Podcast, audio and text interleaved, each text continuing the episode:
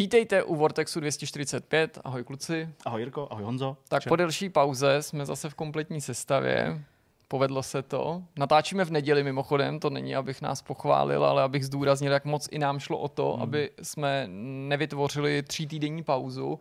Připomenu, ale ono se to řešilo jako v komentářích a v chatu a na Discordu a všude možně se to řešilo a připomínalo se skutečně, že tedy jako v tom prvním týdnu jsme nemohli točit, v tom prvním vypadnutém týdnu ten vidcast nevznikl, protože Zdeněk byl doma, ten další týden Honza byl doma, teď byla dovolená Zdeňková, hmm ale přesto jsme se tady teda sešli o víkendu, protože jsme si řekli tři týdny po sobě, to by bylo no. příliš. A ano, samozřejmě, samozřejmě, že v, v, v těch dnech, to, nebo týdnech toho výpadku jsem se vždycky ptal, zda by za Honzu nebo Zdeňka nemohl zaskočit Petr to je jako, vždycky přijde taková jako dobrá ráda, protože jsme se neřekli, že no, prostě tak easy, že jo, no, prostě, Petr protože Petr nemocnej. nemohl třeba, taky byl no. nemocný docela dlouho, eh, dobíral nějaký antibiotika a pak samozřejmě v důsledku té nemoci měl se v práci jako spoustu starostí, protože doháněl to černé peklo to, co zameškal a tak. Takže tolik k tomu, ale jsme konečně tady a myslím si, že to bude povídání poměrně výživný. Začnu tradičně rozhovorem, Naším hostem byl Filip Kraucher, to je rozhovor, který jsme natočili právě ještě pro jeden z těch starších vidcastů, který se nakonec nepodařilo realizovat a povídali jsme si s Filipem jednak o chystaný hře Mačo, ale taky o cenách Česká hra roku, jejichž pořádání eh, Filip a jeho kolegové převzali a bavili jsme se samozřejmě o tom, jaká je budoucnost těch cen a zda se třeba budou udělovat v dřívějším termínu, tak aby to víc souviselo s tím rokem, za který se udělovalo o spoustě a spoustě dalších věcí. Teďka, už ale protože jsem dlouho povídal, se zeptám samozřejmě vás, eh, co vy jste si přichystali za témata, budu předstírat, že nevím, že vůbec jsme se o tom předtím nebavili, takže co si přichystal Zdeněk? Máme něco vůbec? Uh, jo, jo, něco, a... něco jsem vyškrábnul. No, já jsem, uh, sice teda o tom si popovídáme, o tomhle až na konci, ale kvůli tomu jsem nemohl být nějak extra jako aktivní i jako hraní. Zvládl jsem trochu na Steam Decku hrát, prostě ještě Death Stranding a tak, ale uh, samozřejmě to, co jako teď dělám, co jako práce, tak je Pharaoh New Era, tedy uh, vlastně remake Jo, je to vlastně remake uh, legendární hry od uh, Impressions Games, nebo Impressions Entertainment, Impressions Interactive, teď jsem mm, Impressions Games, Games, no, Games to byly. Studio. Uh, Impressions Studio. Teď, od ne, Impressions. Já se podívat, zatím jako Impressions. na tom pracuj a, a já si to zjistím. Uh, samozřejmě tohle už nedělali oni, to dělá studio Triskel a vydává to do Temu, tu novou hru, ale právě pod vlivem toho, že tu hru hraju, že jsem se do ní jako vlastně jako dalo by se říct, vrátil po těch víc než 20 letech, tak jsem se chtěl podívat na to, jaké okolnosti byly kolem vzniku té původní hry, která vyšla v roce 1999. Takže to nebude takový nějaký mega výživný making of plný super skvělých uh, historek a příhod. Spíš jen takový zhrnutí, jak to vlastně v Impressions probíhalo, protože tam vlastně došlo... Impressions Games, ano. Games to byly, děkuju. Jako, připravil jsem to tady víc, takže prostě jako... Přesně zapomněl jsem jenom, jak ta firma jmenuje. Přesně tak.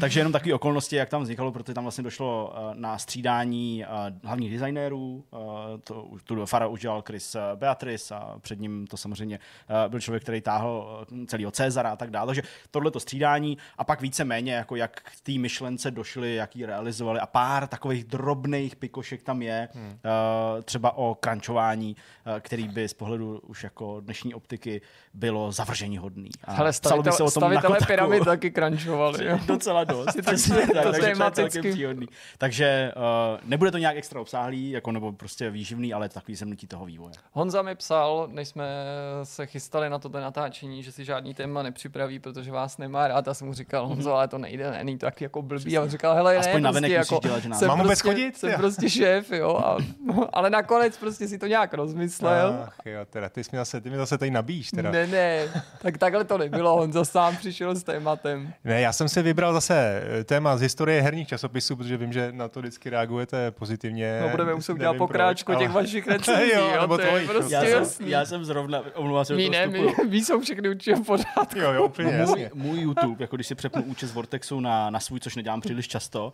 tak uh, včera na první jako stránce YouTube, kam jsem včera chodil pro nějaký videa z toho Farao v noci a tak dále, tak na mě vyskakovala prostě tady Honzova mladá hlava z toho vidcastu, kterou jsme použili tu fotku. No, prostě no to, to, to, to se ukázalo být mimořádně šťastnou volbou, protože ten vidcast má asi 50 tisíc. já, jsem, podání, jo, jo prostě já jsem to říkal, on furt jde nahoru, ty jsi mi to tehdy psal a to jsem říkal, to vůbec nevím, ale od té doby to několikrát poskákalo, to jsem teď vytáhl z toho článku, z toho rozhovoru, z tý, tý, toho pařeniště. No jasně, tam jasný. No, no hele, jako jednoznačného výka nemá, možná je to ten divný thumbnail, protože ty, ty, ty, ty, ty titulek jinak jako nevykazuje nějaký známky jako něčeho, co by to mělo takhle katapultovat. A povídej, já zatím najdu, no, kolik lidí to vidělo. Takže teď se nějak začalo mluvit trošku z asi celkem pochopitelných důvodů o hodnocení eh, v různých herních eh, webech a, a já jsem se právě náhodou podíval do, do starého levelu, do prvního levelu jsem si prolistoval a narazil jsem tam na, na tehdejší hodnocení a vlastně mě to donutilo k tomu eh, podívat se na to, jak hodnotili herní časopisy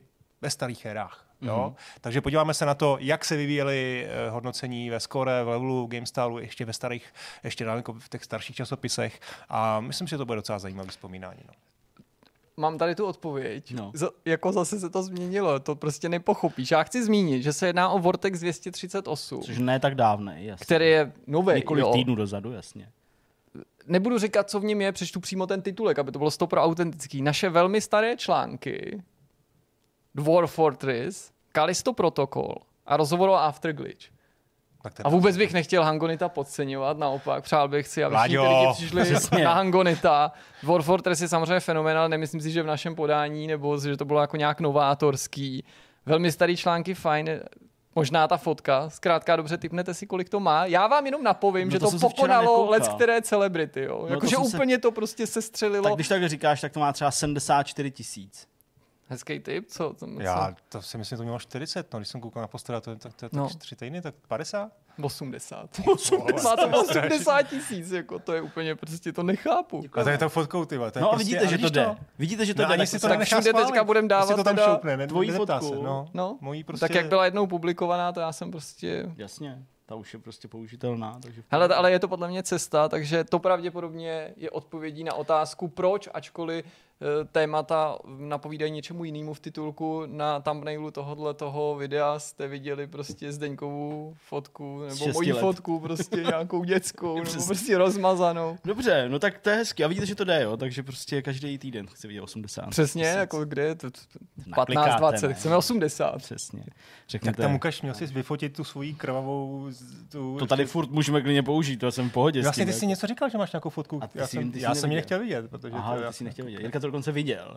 Jo, jo, to bylo fakt hustý, no. To bylo fakt hustý. jako když no. jsme ukazoval, když jsme no, tak v tu chvíli jako, jsme, podívej, co tam, jsme tam stáli, já nebudu říkat, kde přesně, ale prostě okay. byla taková jako hromadnější akce, tak když jsme tam jako stáli, tak prostě jsem mu to samozřejmě ukázal, protože jako jsem sám byl z toho trochu v šoku. No, okay. Vám tady klidně můžu ukázat, už je to zašitá krásná rána. Mám jako byla to taková jako zajímavá situace, ale já ji nemůžu popisat, že je to historka přesně, kterou bych vyprávěl, že by to působilo jako, jako výsměch, to bylo jako zajímavý na tom jsme se tak jako hrabali a nevím, já jsem se, já jsem se asi říznul. Tyjo Tyjo, a dost to krvá, to musím říct, i dost to jako bolí, nebo to. A tam se zadu se který se říznul, který z těch dvou, jo, ten jo, on se říznul prostě, jo. A já vlastně jsem jako naposledy takovouhle věc viděl na základní škole, mm-hmm. kde starší spolužáci, nebo spolužáci z jiné třídy si přinesli jeden do školy nůž, takovou tu jako velkou kudlu, jo, na začátku 90. prostě ne úplně Rambo nůž, ale nějaký prostě jako, jako lovecký nůž, jmenuje se Kuták a Taška, jo, to je to, to je jediný, Ty co mi, se tak jmenovali. co mi utkvělo v hlavě, ale nebylo to mý spolu spolužáci, ale kupuju si to pamat. A nevím, který byl který. A ten jeden měl ten nůž. A bodnul ho. To a ukazoval ho tomu druhého a ten mu říkal, ukáž, uč mi ho. A takhle jako vzal to za to ostří. Jeden ho držel jako se chápu, no. no normálně, a roz... druhý to to a takhle si prostě, a pak to vypadalo jako u tebe. A vím, že jako prostě dítěti mi tohle ten zážitek hodně jako vstoupil tak do hlavy. Jsem rád, že jsem tě ho mohl obnovit. Tak ve téměř 40 let. Vyklápěcí prostě. no nic, tak prostě na to dojde v myšmaši, aspoň víte, na co se máte těšit. Ale samozřejmě tenhle ten myšmaš, ten už bude za, za, za jenom pro předplatitele. Přesně tak, jenom za prachy. Ale uh, abychom to úplně nezakecali a nedělali jsme myšmaš tady z úvodu, my už jsme se tady jako vyjádřili. Jo, jsme to úplně. No, co máš ještě, ty? ještě tvoje téma, uh, Jirko. A jak no, se máš? PlayStation VR 2, hele, já mám docela jako teďka zase jako jako náročný období. Ne, nemyslím nutně jenom kvůli tomu, že jsem tady byl sám a nejen s ohledem na jako PlayStation VR, jako jsou, jsou v tom i nějaký jako jiný důvody a tak. Ale samozřejmě prostě ta kombinace VR, testování spousty her a toho, že jsem tady byl sám, byla docela jako náročná. Nicméně prostě e, ve snaze přiblížit se nějakému jako ideálu, myslím, že se nám podařilo vydat jako docela dobrý kombo, dva texty, dvě videa, jedno věnovaný hardwareu, druhý věnovaný jiný konkrétní hře, ale kdyby toho času bylo víc, určitě jsem uvažoval ještě o nějakém jako mashupu nebo nějakým souhrnu dojmů z dalších her. A protože těch dojmů je víc a navíc, protože tyhle ty naše debaty opakovaně dokládají, že člověka třeba ani nenapadne, co by hráče všechno mohlo zajímat, tak uh, předám iniciativu vám a doufám, že vy se mě budete no. ptát na to, co vás v souvislosti s PlayStation VR 2 zajímá. Určitě. A já vám na to rád samozřejmě odpovím, nebudu jako znovu popisovat to v těch, co v těch článcích bylo, pokud se k tomu jako nějak organicky nedostaneme, to samozřejmě klidně, nebo rozvedu něco. A zmíním se taky o těch dalších titulech, kterým jsem zatím nevěnoval tolik prostoru, abych podobně jako na svém Twitteru tím způsobem si třeba i otestoval, jaký o to je zájem, protože teďka, byť se to může zdát takhle jako divný, v půlce února čelíme určitýmu jako přetlaku materiálu a já jsem potřeboval se právě z těch nějakých osobních důvodů trochu oklepat a jsem jako před rozhodováním, do čeho se dál pustím, tak hmm. jak jsme tady mluvili, kdo co jako dělá. A samozřejmě jedna z těch cest je pokračovat dál prostě ve VR věcech, Uh, ale musím proto vymyslet nějakou vhodnou formu a samozřejmě bych to nedělal, kdyby to nemělo padnout na úrodnou půdu. Takže popovídáme hmm. si o VR, protože hmm. samozřejmě je toho spousta co řešit. Není to jako nová platforma, jako myšleno no, nový zařízení, ale pro nás, jak jsme se bavili se Zdeňkem ještě než volížil, je to jako náročností a důležitostí prostě srovnatelný s těma momentama, když přišly prostě konzole nebo Steam Deck, protože to poprvé znamená jako zevrubně to testovat, věnovat tomu spoustu hmm. času. Tak jo, tak všechno víme. Už my i vy a jdeme na první téma. Po krátké debatě, kdo to má uvolněný, ve smyslu, kdo má uvolněnější téma, vy jste tomu dobře rozuměli, bylo rozhodnuto, že Zdeňkovo téma je nejmí, nejmí uvolněné údajně, takže se jim začne. Ale bojoval taky, že je dost. Jako. Ale tvrdil, že je uvolněný, tak sami to můžete posoudit, protože abyste to chápali, uvolněná témata se obecně strkají až dozadu, ale my jsme při neděli tak uvolnění, že ne, se mnou jako dost pracuje ten stres. Dobrý, zkrátka dobře, Farao, pojďme na to. Farao. My víme, proč se do toho pustil, do té historie. Jasně. Je ten příběh té historie jako zajímavý? Nebyl, nebyl jsi jako zklamaný? Bylo to hmm. jako je to šťavnatý povídání? No, byl jsem jako nesklamaný, ale vlastně nenašel jsem v tom povídání příliš nějakých uh, pikošek, příliš nějakých jako uh, příběhů, ke kterým by se ty výváři vraceli. Víceméně designer Chris Beatrice uh, mnohokrát a dokonce i čerstvě, nedávno, doslova před uh, rokem a půl, už uh, ve spojitosti s přípravou Pharaoh New Era, se kterým teda nemá nic společného, ale oni ho vyspovídali, vývojáři, eh, nechali hráče položit vlastně nějaké otázky, tak i tam on vlastně opakoval věci, které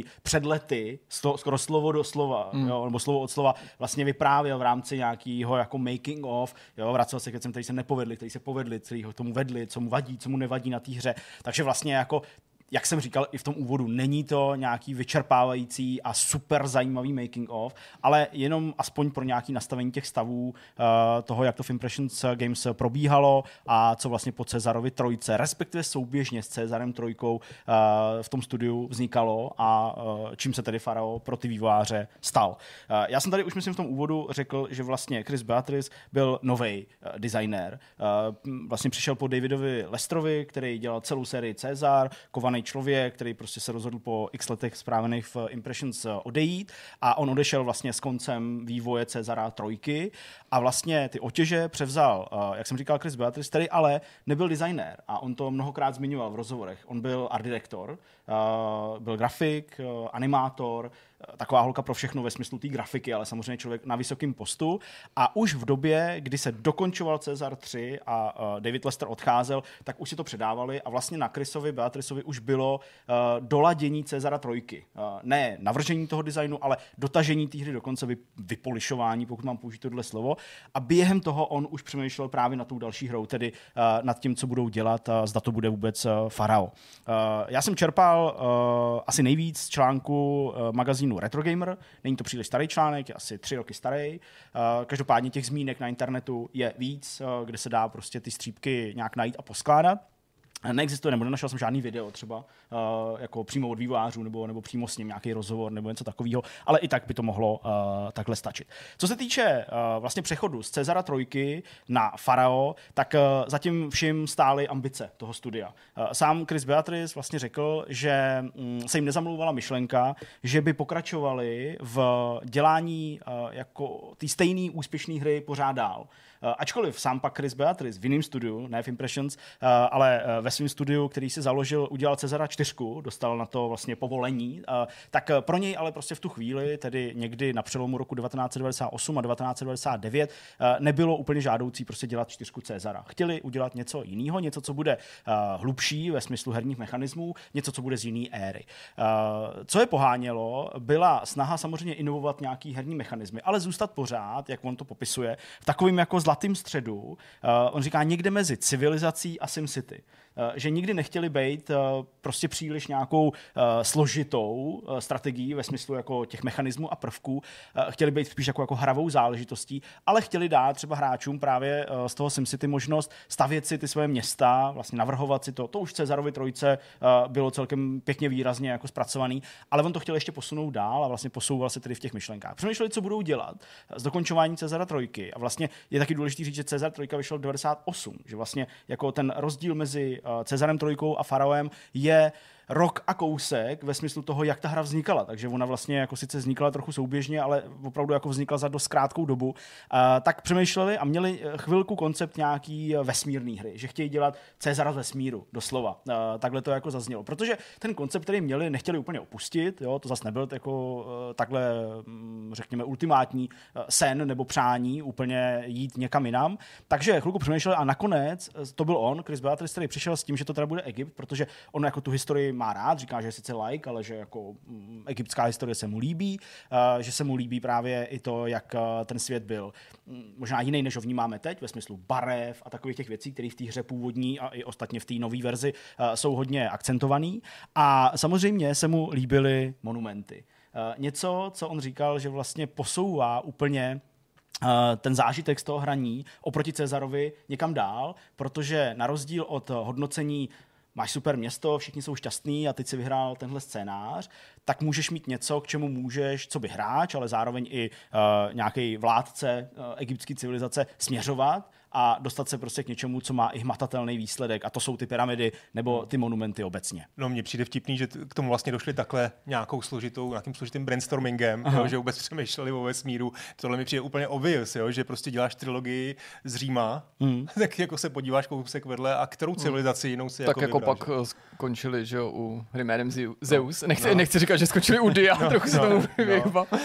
A taky je to, že jo, prostě jenom další v ozovkách antická říše a pak samozřejmě ten přesun do Číny, který vždycky byl takový nějaký menší, ale k tomu se možná ještě no. dostaneme. Uh, o těch dalších hrách příliš ne, protože já jsem jako sledoval spíš uh, tu práci Krise Beatrice mm-hmm. a vlastně příběh toho Farao, ale jenom kdybych vlastně jako to přetočil na úplný konec a úplně ty jako nejnovější věci, vycházející právě z toho rozhovoru už u příležitosti vydání Farao New Era, tak on vlastně mluvil o tom, že uh, kdyby si mohl vybrat nějakou další éru, epochu, ve který by chtěl pokračovat v podobném stylu, že, to by byl, že by to byl středo, že by to byla středověká Evropa, že se mu to líbí právě ve smyslu toho, jakým vývojem celá společnost eh, prošla na relativně krátký ploše, když samozřejmě uh, třeba Farao že zpracovává tisíce let, takže tam by se to dalo posouvat po staletích, ale že se mu líbil právě i ten mechanismus hradů, který by vlastně zastupovali ty hmm. monumenty z Egypta, s čím už pak teda ale vlastně jako tíhnul. Přišlo, že Stronghold a Benish, to, přesně, že ten středověk se i teďka pak dělá už to hodně. jinak, hmm. přesně, přesně tak. No, hmm. uh, pojďme se ale vrátit teda k tomu, že Chris Beatrice protlačil tu myšlenku, že to teda bude Egypt.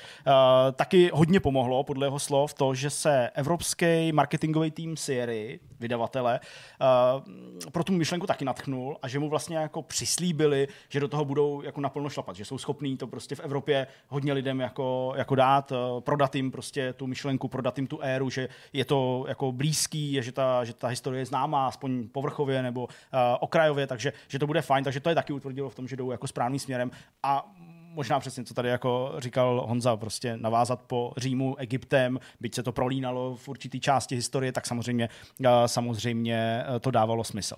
Ale Ačkoliv na papíře to bylo jednoduché, ale pojďme udělat prostě hru, ve který uh, přijdete k Nilu, kolem Nilu postavíte nějakou svoji vesnici, začnete tam prostě uh, dělat nějaký políčka v deltě, nebo prostě v těch zápalových oblastech a všechno bude v pohodě, tak uh, jako vytvořit to bylo samozřejmě mnohem složitý, nebo mnohem složitější a vůbec ten koncept jako zmotnit do podoby hry. A on to porovnává nebo ukazuje na tom, že zatímco Cezara, uh, Cezar Trojka měl podle jeho slov v podstatě dva programátory, kteří to celý napsali, tu hru, byť vycházeli z dvojky a tak dál, tak tady na tom pr- pracovalo přibližně 20 lidí ve smyslu toho, toho kódování po dobu vlastně celého toho roku. Takže i to je něco, co prostě má demonstrovat, jak náročný Farao ve smyslu toho fungování vlastně je.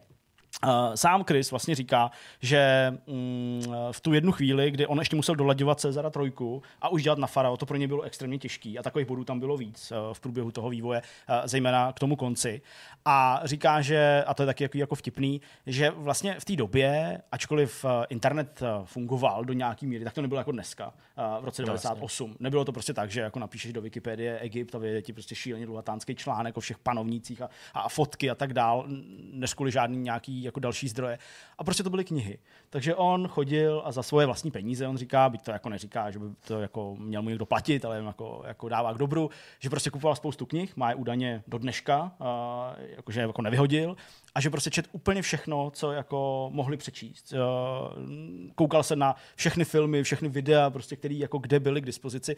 A co mě docela zaujalo, tak velkou inspiraci údajně oni našli v Princi egyptským, v pohádce od Disneyho, hmm. že vlastně tam jako sledovali, jakým způsobem to vlastně Disney nastavil uh, tu grafiku nebo prostě hmm. vůbec to stváření toho Egypta. A to a i věřím, že to by mohlo být jako vlastně relativně přesný, protože si na tom dávají záležet, ale ty o tom mluvíš a mimochodem promiň, že do toho vstupu, ano. já to mezi tím ověřím, já totiž myslím, že na tom dělali lidi, kteří v Disney pracovali, ale že to není Disneyovka, ten princ egyptský, ale možná se pletu, ale pokračuje, a když tak zjistím, aby nás eventuálně někdo neopravil. Dobrý, to mě vlastně ani nenapadlo to ověřit, protože mi to přišlo jako, že to já jako myslím, sedá. Že to dělají DreamWorks nebo něco, Jasně. ale že, že no, je to od DreamWorks. Od DreamWorks. Já to okay. vím, že je to jedna z nejpovedenějších non-Disneyovek, non ale na který okay. někdo jako dělal takhle Jasně. z Disney. Uh, každopádně, eh, když eh, prostě dali dohromady všechny nějaký ty, všechny nějaký ty vlivy a tak dále, tak se do toho jako pustili a uh, pak on vlastně víceméně popisuje, že ta premisa, jak jsem říkal, té hry je vlastně dost, dost jednoduchá, ale složitá, když se člověk do toho začne nořit, do té hloubky,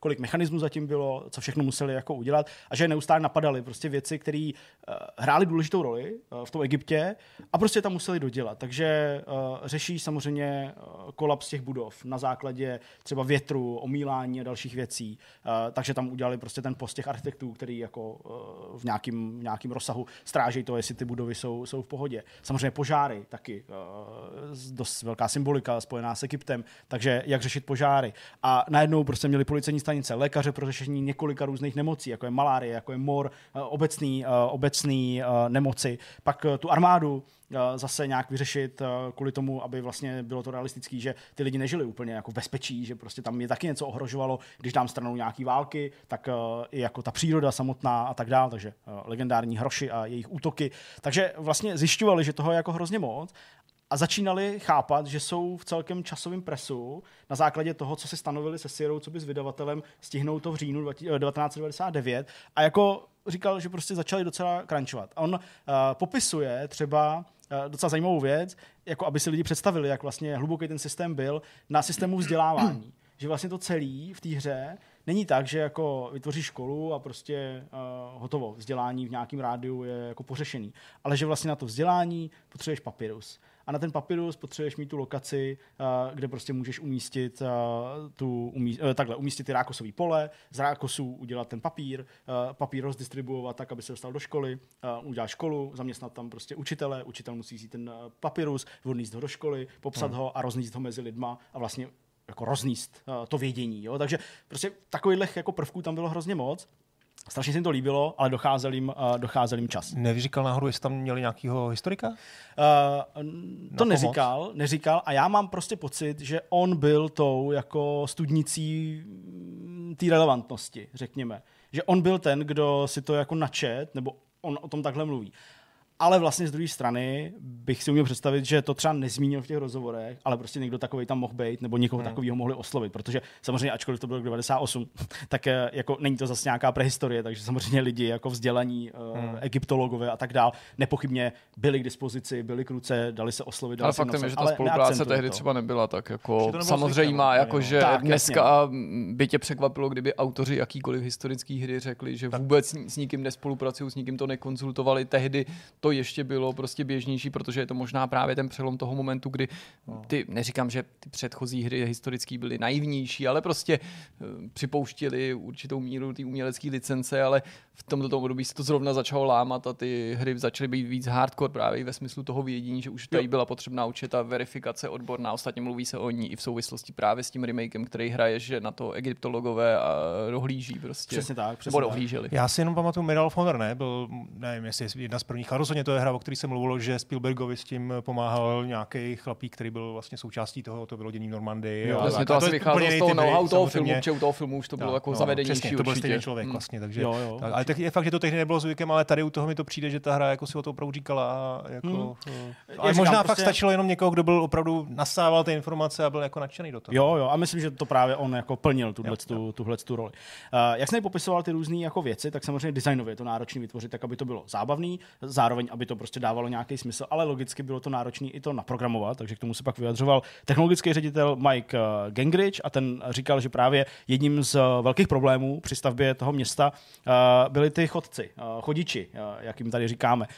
Ty, kteří prostě roznášejí ty suroviny, zajišťují prostě vlastně celý ten, celý ten management těch jednotlivých věcí, ze kterých pak se něco staví nebo se berou nějaký zdroje.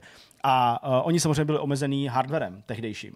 A že opravdu naráželi na limity jako procesorů, a aby to vůbec jako zvládali spočítat a tak dále, že museli strašně moc optimalizovat uh, tu hru a neustále jako ladit množství třeba věcí, které se v té hře dynamicky mění, jako jsou ty cesty, právě, které si ty chodiči vlastně vyhledávají na základě nějakého jako systému, podle toho, jak tam prostě tam jsou tam zatáčky, jak je to daleko a tak dál. Takže pak tam třeba v rámci té optimalizace přidali i docela řekl bych, jako stěžení, takový rozpoznatelný prvek, a to byly ty blokace na těch cestách pro ty chodiče, jo, že vlastně to ještě vylepšili a vlastně jsou to takový ty bloky, které můžeš i teď v tom, hmm. v tom, v tom remakeu. Dát vlastně tím jako zastavit toho, toho chodiče, že vlastně jako hodili části optimalizace doslova na ty hráče, ale že se z toho vlastně stal uh, tak organicky, jako pěkný herní prvek, že vlastně jako to nikomu ani jako příliš nevadilo a byla to spíš nějaká vrsta taktiky. Ale to byla prostě součástí optimalizace, což bylo uh, samozřejmě vtipný. Uh, bavili jsme se uh, částečně o té výtvarné stránce, že to byla jedna z věcí, která toho uh, Krise pohánila, vzhledem k tomu, že on byl grafik, ale on sám uh, nebyl ten, kdo by úplně určoval tu grafiku. Uh, pomáhala mu s tím Heidi Manová, což je výtvarnice, která ale dělala i Cezara, takže s tím měla jako velké zkušenosti ve smyslu toho, jak by to mohlo vypadat, jak jakým stylu.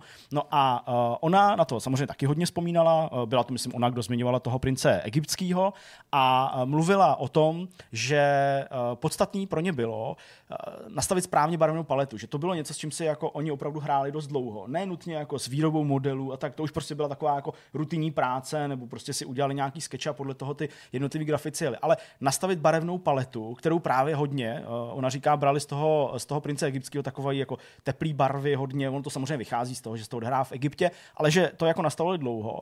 A pak si dali strašně záležet v tom týmu, aby všichni ty grafici měli jako stejný propozice, byli s tím stejně obeznámení, aby nedošlo k tomu, že třeba ty modely budou vypadat jako jinak, když se na ně aplikuje pak to světlo a tak dál, aby prostě to všechno jako bylo, bylo konzistentní, koherentní. A ona prostě říká, že v té době to ještě nebyl úplný standard. Že jako hry vznikaly uh, víc trochu punkově a že se stávalo poměrně často, že prostě spoustu grafiků dělalo spoustu asetů a ty asety mohly být různě rozladěný, že úplně spolu nehráli. Ale tady se na tom dali záležet a myslím si, že když se i zpětně podíváte na nějaký starší videa a hádám, že třeba teď nějaký sledujete, tak prostě je vidět, že to je fakt jako jeden ucelený styl. A uh, co je taky důležitý říct, já jsem tady mluvil o nějakém světle, abyste si mohli říct, že je to 2D hra, ale není. Uh, všechny ty modely, všechny ty věci, které jsou, tak byly uh, vytvořeny ve 3D, předrendrovaný, hozený prostě uh, pak na tu dvourozměrnou mřížku samozřejmě, nastaveným bylo jim světlo, Eh, na ty, 3D, eh, na ty 3D modely, s tím ty, eh, s tím ty modely byly vyrendrovaný a vlastně používají se sice v 2D prostředí, ale, ale trojrozměrný modely. Takže taky se s tím dávali poměrně značnou, značnou práci. Sám Chris Beatrice říká, že ale samozřejmě na té grafice pracoval taky, nejenom Heidemanová a ten její tým a dával k dobru takovou jako vtipnou, vtipnou poznámku, že byl to on, kdo třeba animoval pštrosy, což pštrosy je jeden z těch hlavních nebo prvních zdrojů jídla, že tam pošleš ty lovce a oni tam začnou lovit ty divoký pštrosy, který tam běhají, tak uh, uh, myslím, že i jako gify a memečka různě prostě spojený s faraoem ty pštrosy uh, zmiňují nebo, nebo je akcentují. Takže to prej říkal, že byla jeho jako práce nebo jedna z těch prací, ale samozřejmě, že dělal jako dělal spoustu, spoustu uh, další pomocných prací.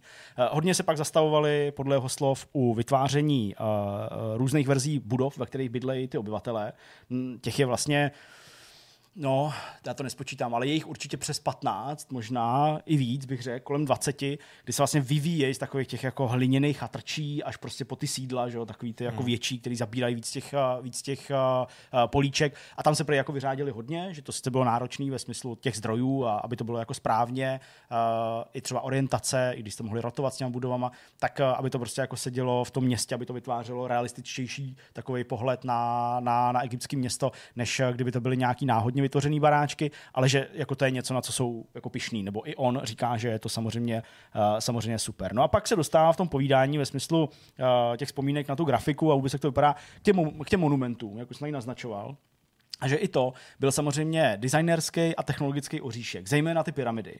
Uh, jemu se jako líbilo, že v jeden bod bylo to samozřejmě v té kampani někde na konci, ale v průběhu prostě hraní skirmišů a dalších věcí to jste si mohli, nebo jako nějakých těch vlastních scénářů, tak jste si to mohli samozřejmě stavit, kdy, kdy jste chtěli, nebo když jste na to měli prostředky. Ale Chris Beatrice říká, že vlastně jako vrcholem toho tvýho snažení, co by hráče, zároveň správce toho města, měla být ta pyramida nebo ten velký monument, na který jako pracuje celé to město. Že vlastně tam měl dát hráčům ten skutečný pocit toho egyptského života, ty jsou náležitosti s tím božstvem a tak dál. A že vlastně jako celé to město to možná třeba ne úplně v nějakých dobrých podmínkách nebo zcela dobrovolně, ale vlastně jako připravovalo všechny ty materiály na to, aby ta pyramida mohla být postavená a to nebyly jenom ty kvádry, ze kterých to bylo, ale samozřejmě i eh, to vybavení a tak dále. Takže uh, on říká, že to jako byla super myšlenka, uh, pořád za tím stojí, pořád se mu líbí, že to je takový ten jako skutečný cíl, ke kterému ten hráč prahne, ale říká, že vlastně tady došlo k určitý jako deviaci od té historie, protože ty třeba velké pyramidy v Gíze nevznikly někde v nějaký jako zlatý éře Egypta. Ty vznikly jako v raném Egyptě v podstatě. Hmm. Jo? A, Či pak se pohřbívalo v údolí králů, že jo, kvůli tomu vykrádání Přesně a tak. tak. Naopak stranou prostě tak, takže vlastně toho jako života. to nebylo jako, jako historicky ta úplně nejvyšší prostě jako, nebo ten nejvyšší moment eh, celý té eh, celý tý civilizace. A on říká, ale přesto jsme to takhle udělali, hmm. protože prostě nám to přijde tak jako výrazný hmm. a tak jako velký, že samozřejmě... Mám pocit, že se říkalo, že v, do, že v době Kleopatry už ty pyramidy byly snad starý 2000 let. Právě. Něco takového, že od Kleopatry do té jejich historie těch pyramid úplně stejná doba jako od Kleopatry k nám, k nám tak přesně. nějak plus minus, jako že byla taková Přesně na to on jako poukazoval, ale že toho zpětně jako nelituje. A říká, že právě jako technologicky to bylo taky velice náročný, protože skutečně se vlastně jako ty pyramidy staví, dobře, ne kamen po kameni, oni to byly takový ty bloky, že jo, těch několika kamenů, ale pak to prostě stejně musí ty kameníci kolem dokola otesat, že aby to bylo plochý, aby to nebyly jako kaskády. No, a tak se říká, to trvalo strašně dlouho. Trvalo to strašně dlouho. Jako... A on říká, že právě jako v té době. Generací. No jasně, v kombinaci, v kombinaci, přesně. Ale jo, tak tam ty roky běží docela rychle, že jo, v té hře, takže jako opravdu je to jako na několik desítek, možná stovek let, kdy to jako tam prostě. Zvlášť ještě prostě celý nějaký národ zotročený prostě uprchne přes moře, že jo. To právě, ti zmizí prostě, prostě udělají prostě zázrak, projdou podně, prostě možíš čau, prostě kašle na to, prostě dostavte si to sami. Jo. Sice oni pak 20 let chodí po, po poušti jako tam a zpátky a jsou jako takový bezprizorní, ale jasně, no. Dneska uh, to máš dukovaný, že jo, nebo jaderná elektrárna. Tak, tak no ale tak to už prostě není takový, že jo, to už prostě není takový monument. Ale uh, co on jako tam zmínil, tak říká, že právě uh, je to ohromilo, když to nechali vytvořit, když to jako fungovalo a testovali to, tak je to ohromilo i prostě vizuálně a tou velikostí, že i to jako zapůsobilo, mělo zapůsobit na ty hráče, protože s ohledem na tehdejší rozlišení a i na jako fyzickou velikost monitorů, který prostě hráči nebo obecně lidi jako měli, tak ty pyramidy mnohdy se nevešly, no co mnohdy, tak, takřka nikdy se nevešly na jednu obrazovku. Hmm. Že vlastně jako i tu pyramidu směl na několika obrazovkách a že to prostě bylo jako něco, co se jim jako fakt zamlouvalo, že to prostě bylo jako to, co, to, co chtěli udělat. Uh, technologický zázrak uh, to byl, ale podařilo se jim to. Uh, Uh, jo, jasně, vzpomínal na to producent Greg Shepard a právě on říká, že to porovnává s tím Cezarem, že, že vlastně potřebovali uh, vylepšit ten engine dost výrazně na to, aby to vůbec uh, mohlo fungovat. No tam že... právě takový ten mega věci, že jo, nebyly. Tam jsme samozřejmě stavili třeba Koloseum nebo nějaké obecně cirk, byl byly... tam ten akvadukty jako taková jako zajímavý prvek jasně, třeba, ale, ale to nebylo ve smyslu rozsáhlý. Aby i to celé město muselo fakt pumpovat ty zdroje na to, aby mm. ta pyramida mohla vzniknout. A uh, on jako říká, ten producent tedy, uh, Greg Shepard, že uh, ještě několik dní před odesláním toho mástru do Lisoven, té době digitální distribuce příliš nejela, pokud jste ještě nežili v té době. Takže ještě jako opravovali úplně jako game breaking bugy spojený právě se stavením těch pyramid, jo, že jako fakt až do poslední chvíle na tom měli makat. No a tím se to povídání stáčí k tomu krančování, o kterým ten Chris Beatrice i v roce 2020 mluvil dost otevřeně, ale já myslím, že to je takový jako signifikantní pro lidi, kteří prostě v té době dělali tyhle ty doslova legendární věci, že to prostě s tím bylo spojené, že ta, že ta nálada, bavili jsme se tady o tom mnohokrát, prostě byla jiná, byla, uh, nevím, jestli tam hrála jako víc roli to zapálení, já nechci říct, že to lidi nebrali jako práci, určitě to brali jako práci, ale prostě dneska je to posunutý někam jinam, optimalizuje se ten vývoj, uh, krančování je spíš negativní, nebo je negativní věcí, nebo tak je to vnímaný, ale v té době spíš prostě jako celý to studio uh, prostě chtělo ten výsledek a, a pracovali hodně. Uh, mluvil o tom, že to byly měsíce 16-hodinových pracovních dní, abych to nějak jako vyčíslil. Hmm což jako je jako brutál. Jo? To prostě je fakt jako hustý a e, dává tam takovou historku. E, samozřejmě nejde ověřit, ale já myslím, že asi jako není úplně, není úplně e, nepravdivá. Honza mi bude nepochybně oponovat, protože Honza je, je náš, oni na zahradě postavili pyramidu, mezi tím já to úplně vidím ne, ne, kravinu, nevím. Obývá to pouště stromy. Ne, ne, ne, nic takového. Uh, má to být údajně jako, jako příběh o člověku, uh, který prostě nějaký večer, kdy tam to celé studio prostě dělalo v rámci těch svých 16 hodinových dní tu hru, takže se prostě jako víceméně bez řečí zvedl a že odchází. A oni se jako ptali, proč. A on, no já jsem si už jako před týdnem koupil lístky na baseball, tak já jdu jako na baseball. A prej všichni jako koukali jako, si spad zvyšně, jako kam jdeš, prostě tady děláme hru a ty jdeš jako na baseball. A ten člověk se prej v jednu ráno vrátil a normálně dál šel jako pracovat. Takže po tom baseballu a nějaký večeři a tak dále, tak se prostě v jednu vrátil, uh, dál, dál pracoval. Chris Beatrice říká, že prostě z kanclů se jezdilo domů vyspat třeba v pět ráno, jo? že on prostě v zimě, když na tom hodně krančovali, tak on říká, prostě jsem v pět ráno vždycky škrábal let z auta, jel jsem se domů vyspat na pár hodin, přijel jsem zpátky. Eh, všichni tam prostě večeřeli, měli tam spacáky, hmm. Eh, byli tam i na den díku vzdání společně, jo, prostě jakože fakt to byl úplně jako brutální crunch a já jsem tady dal takovou eh, poznámku, to by dneska asi úplně jako neprošlo. No a co bylo prej pro ně nejhorší, tak asi týden předtím, než to měli odeslat do Lisoven, tak si uvědomili, že vlastně do té doby skoro vůbec nezapracovali na nějakým základním konceptu toho bojového systému, nebo soubojového systému.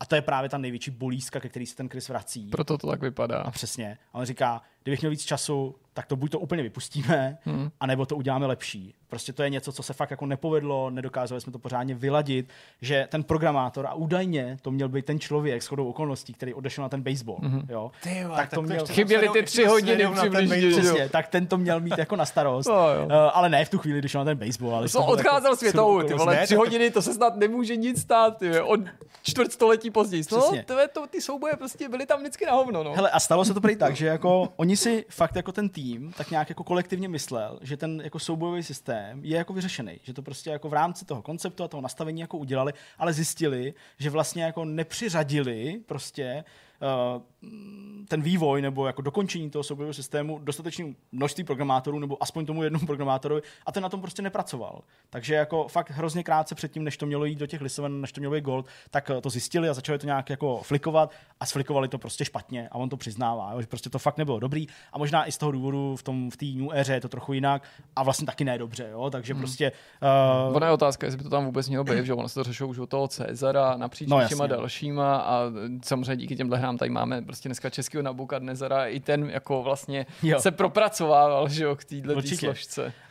Uh, když to teda dodělávali, tak to taky došlo byli tak daleko, že jako se rozhodli uh, nepoužít letenky, které už měli koupený pro člověka, který měl jet, uh, letět s tím mástrem do Los Angeles někam do Lisovny a že mu koupili prostě letenku někdy jako na půlnoc ten poslední den, aby ještě jako měli těch pár hodin. To už mi přijde trochu přitažený za vlasy, ale vlastně jako... Ale ani ne. Tomu věřím, absolutně. Ty tomu nevěříš, tomu já věřím. No. Protože to jsem slyšel už třeba, že, jako, myslím, že Flashpoint nějak tam měl tak nějaká jo, historka s, jako s masterem, že se prostě někde úplně... zapomenutým a podobně. A jako slyšel jsem, ty, ty mastery to muselo být strašný, protože to dneska že ho neřešíš. Dneska máš to odešleš a, prostě, a, jako jasně, no. prostě to napečuješ, ale tehdy tohle to muselo být peklo. Nakonec to ale zvládli, ta hra vyšla samozřejmě v tom roce 99. Sám Chris říká, že to prostě pro něj jako byl takový nejvíc odměňující zážitek, tak jak on to vnímal, který mohlo Studio Impressions Games hráčům dát že ta hra má svoji mystiku, má svou duši, uh, taky se mu jako líbí ta skutečnost, že ta hra byla vyvinutá za, a teď on neřekl konkrétní čísla, řekl několik milionů dolarů a prodal 1,4 milionů kopií, což je hmm. prostě hmm. hodně a že je to prostě něco, co se sice mohlo víc odladit, víc optimalizovat, ale že prostě na to hrozně hrdý. Říká, že mu to doslova změnilo život. Uh, on teda pracoval v Impressions až do roku 2001, pak ale založil Tilted Mill, uh, Tilted Mill Entertainment, právě pod uh, hlavičkou tohohle studia vznikl Cezar 4, ale taky třeba Hinterland nebo Nile Online nebo Nil Online, takže vidíš, že vlastně Chris Beatrice pořád jako osciloval kolem těchto těch starověkých, starověkých témat. Teďka on sám pracuje ve studiu Infinigods, tam dělají takový nějaký NFTčkový hry a prostě takový jako menší věci, uh, ale dělá samozřejmě i sám na sebe jako grafiku uh, externě uh, nabízí. Sám říká, že když viděl trailer na Faraonu Era, tu aktuální věc od studia Triskel a vydavatelů z Dotemu, tak říkal, že to pro ně bylo asi jako když by sledoval vlastní dítě se ženit. Takovýhle jako hluboký zážitek, že prostě vidí tu svoji hru, která jako oživla v té lepší nové grafice. A právě v tom rozhovoru v roce 2020, 2021, eh, právě v souvislosti s tím Faraonu Era, tak znova zmiňoval ten souboj, že by to líp vychytal a že kdyby třeba dělal dvojku, jako Farao 2, hmm. takže by pracoval na uh, víc na těch systémech, které nejsou vidět, prostě jak ta hra funguje na pozadí, hmm. že jako vizuál jsem mu zamlouval, ale uh, ty mechanismy, že prostě ještě mohly být lepší a právě tady zmiňoval tu středověkou Evropu, jak už jsem to zmiňoval na začátku, byť jsem to přeskočil, že se mu to líbí podobně, že je to prostě zajímavá éra, uh, překotný takový jako vývoj na relativně krátké ploše a ty hrady jako, jako nějaký ty budoucí monumenty. Já bych možná právě zdůraznil ještě jednou ten komerční úspěch toho, mm-hmm. že ty prodané kopie na tu dobu prostě znamenají výjimečný úspěch. Určitě. Dnešní optikou se to už nemusí tak zdát, že ten komerční úspěch jako potvrzilo to, co taky zdaleka nebylo samozřejmostí, a to je to rozšíření v podobě klasického datadisku, že to taky nebylo prostě v 90 takový, že ke každý druhý hře se prostě naprdilo x DLCček, protože prostě DLC neexistovaly, takže datadisk obvykle značil, že ta hra prostě si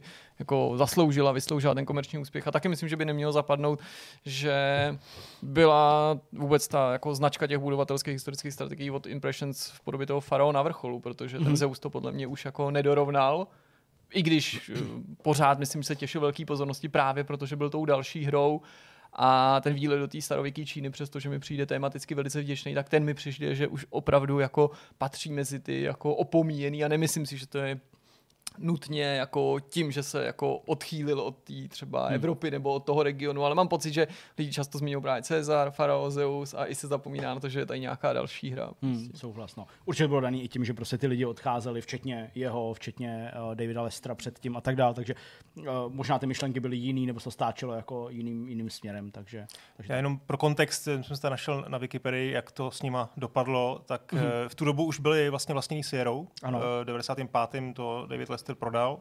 Eh, potom to teda koupilo Vivendi a 2004 tuším to, to zavřeli. Mm-hmm. Nicméně ta, tohle byla opravdu ta zlatá éra. Jo. Tady konkrétně na Wikipedii píšou, v 98. byl Impression Games nejprofito, nej, nejvýdělečnější divizí Vivendi mm-hmm. a s 20 milionovým profitem a údajně to bylo víc než Blizzard. V té době. Jo, v té době prostě to byly dva roky, jo. kdy to jako na to, že to je city building, vlastně dneska bych řekl Níž. Níž, jo. jo asi jo. Tak už, eh, klobouk dolů. A bylo by zajímavé teda vidět, co by, eh, co by ten tým, ten hvězdný tým dokázal s tím udělat dneska, protože dneska City Building je už, není, už daleko, hmm. dávno není níž, že už to je docela dost jako vlastně obsazený žánr a No, ale naopak, jako, no, jak, já si, jako tak to já nesouhlasím, to já si právě myslím, že jako trošku dneska. jinak, že z hmm. dnešního hmm. pohledu jsou historický budovatelský strategie spíš níž, ale mají relativně slušný zastoupení tím, že samozřejmě to vývojové pole je dneska mnohem širší a že vzniká spoustu nezávislých her, že jo, konec konců no, no. i v souvislosti s Faro, prostě s tím remakem jsme se bavili opakovaně o tom, co všechno vzniká za jiný alternativní projekty zasazený třeba právě do Egypta, ale ten rozdíl si myslím právě v tom, že mainstreamový hráč hrál v 90. letech věci jako Cezar nebo Farao, zatímco dneska, dneska už, hmm. už to nepatří mezi tyto projekty. Takže já si ani nemyslím nutně, že jako kdyby bývali dneska takovou hru udělali, to bychom koukali. Já si nemyslím, že by tenhle projekt dneska by musel být prostě skutečně mimořádný, skutečně výjimečný, no, aby jako myslel, měl ten potenciál zaujmout bych, jako většinový publiku. Já si vlastně myslím, že třeba jako odpověď částečnou nám dává tu Point Hospital nebo tu Point Campus, jo? že prostě jako je, to, je to hra od týmu, který prostě stojí za jako v té době bych řekl velmi hratou, uh, hranou jako záležitostí, jako je prostě Team Hospital a udělali něco podobného v dnešní době. Fanoušky se to našlo, ale že by se o tom psalo jako furt a všude, to si nemyslím. Takže prostě to asi jako demonstruje to, jak se to odklonilo k nějakému nostalgickému nebo níž publiku a už to není ten jako mainstream. No. A přitom to byli ty hmm. stejní lidi, že, kteří dělali ten tým, hmm. převážně stejní lidi, jo, jo. minimálně v tom, v, tom, v tom vedení. Jo. Takže, takže to si myslím, že je částečnou odpovědí. Každopádně tolik k tomuhle příběhu. Jak říkám, nebylo to příliš výživný, spíš takový zhrnutí, ale aspoň máte třeba nějaký kontext pro tu uh, nějakou recenzi nového Farao nebo toho remakeu. Pojďme Já na další, myslím, že to výživný bylo. Jo, tak teďka se přesunem. Přesunem se kam? Přesunem se těm hodnocením? Asi jo. Klidně. Tak hodnocením, tak jdu na to. On zasliboval povídání o hodnocení, to je téma, který by vydalo na samostatný vidcast, upřímně řečeno. Nejdřív, když to řekl, tak ne, že bych se zděsil, ale jsem si říkal, no tak to je, to se tady můžeme taky zaseknout na dvě hodiny, jenom hmm. reflexí toho, jak by se mělo a nemělo hodnotit. Ale ty se konkrétně chtěl zaměřit a to samo o sobě je taky na samostatný vidcast, tedy na to, na, na, na případnou známku, na číslo, jestli procenta, desítková soustava, sedmičková, pětková procenta, kdy na jedné straně jsou tady ty super hardcore detailní technicistní verdikty, opravdu hmm. nemluvím o recenzích jako u útvaru, ale jenom, jenom ty verdikty, které dělá třeba německý GameStar, ale zdaleka nejen on, ale jejich představitelem. Pak je tady celá plejada věcí mezi tím a končí to třeba u toho, že někdo jako Kotaku, ale zdaleka nejenom oni, třeba známku nebo číslo na konci ani neuděluje a nepoužívá ani třeba žádnou medaili typu britský Eurogamer, který se známky zdánlivě nemá, ale má v pozadí alespoň něco jako systém, přesně takovýhle nějaký hmm. jako zjednodušený hodnotící systém. A je to, ještě než tě pustím ke slovu, musím zdůraznit, debata, která není nijak nová. Je to téma prostě, který se řeší určitě přes 20 let. Já to říkám záměrně takhle, hry? protože co, co, co já to dělám, tak se to řeší. Hmm. První magazín, který jsem zakládal, byl třeba jako bez čísel. Hmm. A vím proto, jak už tehdy, v roce 2000-2001, to bylo aktuální a věřím, nepochybu i jako čtenář 90 eh, časopisů nebo jenom pozorovatel, že určitě to téma svedlo už v 90 v těch redakcích a věřím, že v zahraničí možná už v těch 80 Přesně tak. Já začnu několika disclaimerama. Za prvé se omlouvám našemu grafikovi, protože mám asi 50 obrázků, tak eh, to si trošku jako mákne. Ještě navíc to musí udělat do zítřka, tak sorry. Za druhý, um, Tyjo, a teď mi to vypadlo za druhý, jo, za druhý nechci vlastně tady... Nezapomeň být... poslat, tam ti pak zase jo, nehoní, to je to. Hned, no, no, tak je docela podstatný. No, tak teď fakt jako si dám pozor, že to hned, jak dorazím domů, tak mu to pošlu. Uh, za druhý jsem chtěl říct, že vlastně nechce, nechceme tady být, no já aspoň nechci být žádný mravokárce, že prostě říkat, jak je to správně, spíše to takový jako hravý pohled do historie, doufám, že i z Nechceš být takový mravokárce jako na Twitteru, jako viděli jste ty první recenze v, v, v levelu, takový jo, no, no, tak hele, to, ale to bylo spíš střílení do vlastních řád, než, než do levelu. Ale protože... to paradoxně nebyl nejvtipnější jako tweet Honzi za poslední týden, ve kterém jako si podle mě úplně protiřečil jako ten, kde se mu nelíbil nový Tetris, myšlenou film no, no. a řekl, že já rozhodně jako neodsuzu něco zvlášť film podle prvního traileru. Jsem říkal, úplně jsem byl v pokušení napsat, cože, Uncharted, prostě a milion dalších filmů, a, kdy si to okay, sejmul hned po prvním traileru. tak ty umíš, ty umíš dát ne, reflexi. Ne, máš pravdu, ale v tom, no, tak prostě, hele, trailer do, já jsem v tuhle chvíli byl fanoušek, ale to ještě si řekneme. A pak jsem chtěl říct, ehm, jo, ještě se omlouvám vlastně lidem, kteří nás poslouchají jako v audiu, že tohle bude asi dost prostě obrazový příspěvek. No.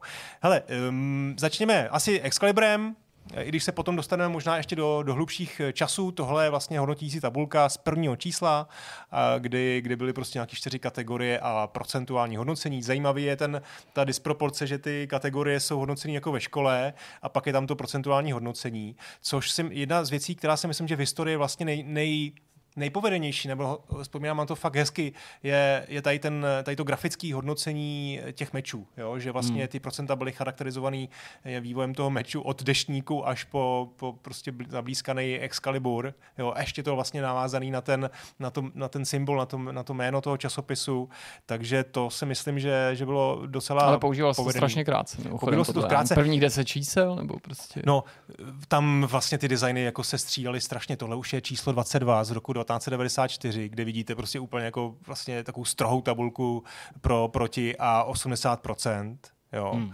Eh, tohle je zase takový něco, co, co si myslím, že eh, šlo, šlo blíž tomu německému stylu. Hmm. Eh, to je hodnotící tabulka z 95. roku, jo? takže vlastně tři roky po, no, čtyři roky po založení. Je tam i nějaká, jako nějaký graf toho, jak se vyvíjí zábavnost té hry. Je tam srovnání titulů, plusy, mínusy, čtyři kategorie a, a procenta. Tuší, co si o tom jako myslím. Já bych to asi nedokázal takhle vůbec na tom grafu. Jako no jasně. Jako dobrý začátek a pak to trochu kles, a pak to zase stoupá ale pak to zase klesá. Hele, tohle je podle mě, nebo tento graf hodnotím známkou 87,5%, to si o tom myslím. uh, já si to pamatuju, tohleto, když jsem vždycky sledoval v Total Filmu, v časopise o filmu a tam, tam bylo, uh, že tam prostě což si myslím, že přece jenom dává trošku větší smysl v tom filmu, že máš prostě fakt jako přesně daný tu stopáž, jo, mm. a ty tam ukážeš prostě, mm. jak vlastně se vyvíjí ta zábavnost. No, taky jo. se to na 120 minutách dá líp vystihnout. Prostě, Určitě, no, no, líp zapamatovat, je to skutečně exaktní. Exaktní v tom, přesto, že, prostě každý má stejný zážitek, prostě. že tady prostě se může někde zaseknout. Ale jako se ale to... v tom hodnocení, no, aspoň jasně, samozřejmě no. to není objektivní vyjádření, ale aspoň jako ty sám můžeš, to, to,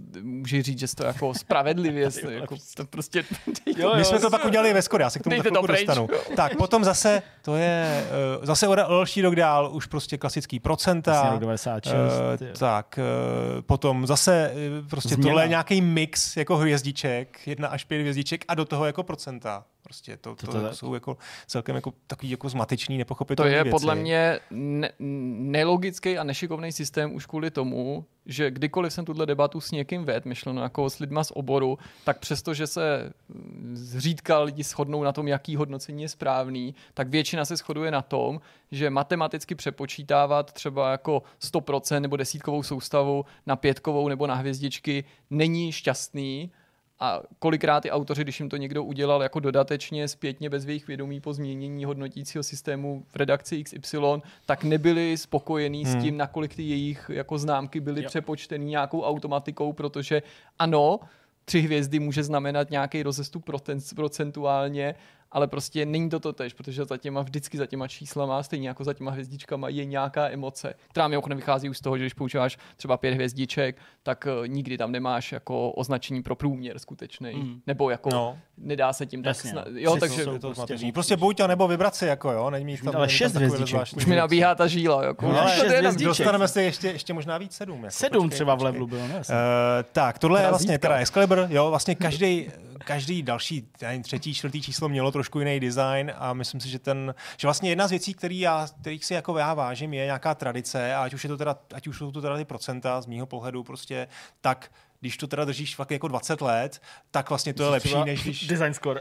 No, no, no, taky se k tomu dostaneme. To, to, to já si myslím, že proto to tady padlo. Tak, teď uděláme úkrok na Slovensko. Aha. Uh, tohle je časopis Bit, který vlastně, dá se říct, historicky eh, je stejná éra jako začátky Excalibur, možná ještě dřív. Tam jako vtipná věc na, na časopisu Bit je, že to vydávala firma Ultrasoft, která současně vydávala hry. Takže tady vlastně vidíte žijete prostě hra cesta bojovníka, kterou si oni sami jako vydávali. Uh, no a pro docela dobrá, 86%. docela dobrá, no, náhodou. 86%, jo. Takže to je Nápad vlastně... chválí hlavně. Goty. Zvuk sebekriticky uznali, že jenom na 65%.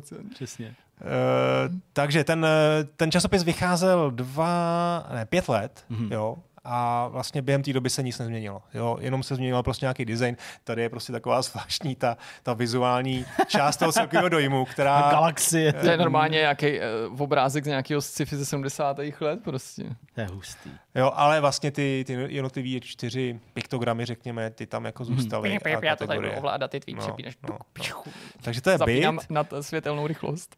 Tohle je Ricky, to je další slovenský časopis, Ricky, který začal v 94. skončil v 99. a od prvního čísla se začalo s takzvaným fanometrem. Mm-hmm. Fanometr je vlastně ultimátní hodnocení, to je to, co říká, eh, jaká ta hra, jak je dobrá. Jo? A s tím se vlastně dá se říct, jako můžeme stotožnit. Jo? Je to něco, oni prostě tehdy dbali na to, aby řekli, jak je ta hra zábavná. To je fanometr. A to má být jako ta definitivní známka? Jo.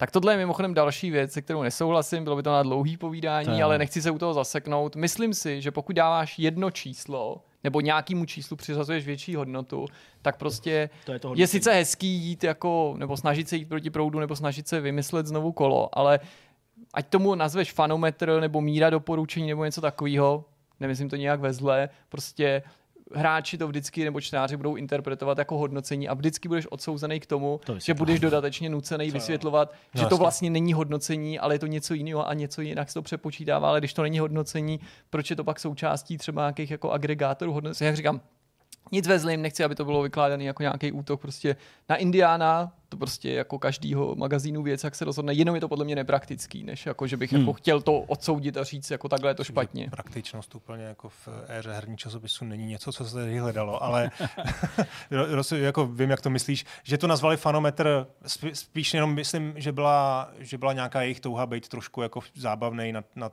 uh, jo, uvolněný. To, ten časopis Ricky byl hodně něco jako to skóre v začátku, že prostě fakt No to je právě pak otázka, jak zábavně. to jako no. chápat. Já to nevím, jo? že nebyl jsem jeho čtenářem, jo, jestli jako to je jenom prostě termín pro hodnocení, anebo jestli skutečně si třeba ta redakce uh, zatím nepředstavoval něco jiného, že to právě nemá být třeba nutně vyjádření hmm. jako hodnocení, ale právě hmm. míry zábavnosti. Nebo...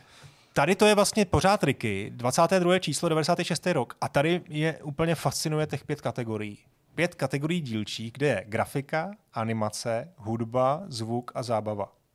No, hodnocení jako zábavy separátně... je typicky jako takový ten GameStarovský přístup, hmm. prostě úplně jako nepochopitelný. To nejde vyjádřit, abych prostě no. nevěděl 79, 78 a vůbec jako co to znamená. No dobře, ale, dobře, ale se se chytí zábavy, ale jako hodnotit vlastně nezávisle čtyři kategorie, jako řekněme kreativní nebo ne, čtyři jako technické kategorie a grafika a animace zvlášť. Tak stejně, tak jako, že tam, tak když takhle začneš, tak právě to jako je jedna z mnoha věcí, kterou bys si tomu teoreticky mohl vyhytknout, ale to asi nechci vybrat, jako, že tady jo, jako nadávám na nějaký jiný systém, jako, že by se mohl ptát, proč tam teda třeba není příběh, že jo, a spousta jako jiných věcí. No, a naopak, co no, pak uděláš z kategorii příběh, když hodnotíš logického rychlíka, proškrtneš ji, jasně. A co to znamená, když to hmm. číslo hmm. se z těch ostatních skládá, že jo, podle mě to jenom jako na tebe vlastně klade větší nároky něco dovysvětlovat a hledat nějaký jako alternativní řešení, nepraktický. Tak, tohle je časopis FIFO, ten začal už v roce 1990 a ten se teda s žádným hodnocením nikdy moc ne... Asi znáte vůbec FIFO? To ne, bylo o ZX Spectru, to bylo opravdu jako o 8 bitové ještě a ten tam jako dlouhý čísla, dlouhý jako měsíce vlastně žádný hodnocení neměl, až teprve na konci udělali takovouhle zase jako jednoduchou věc, kde Jej. jsou čtyři kategorie, ale vlastně žádný jako, no možná ta hratelnost, jo, jako je to grafika, eh, co, co je ta žárovka? Co to bude asi ta žárovka? Tyjo? Nápad. Nápad? Hmm. Design. Hudba a, nebo zvuk a, a to? Hratelnost. To je FIFO a tohle je ještě, hráč. myslím, že časopis Hráč tak ten měl jenom takový klasický jako procenta. Vypadá, no teď... že se inspirovali skóre, viď? To, ten, ten layout.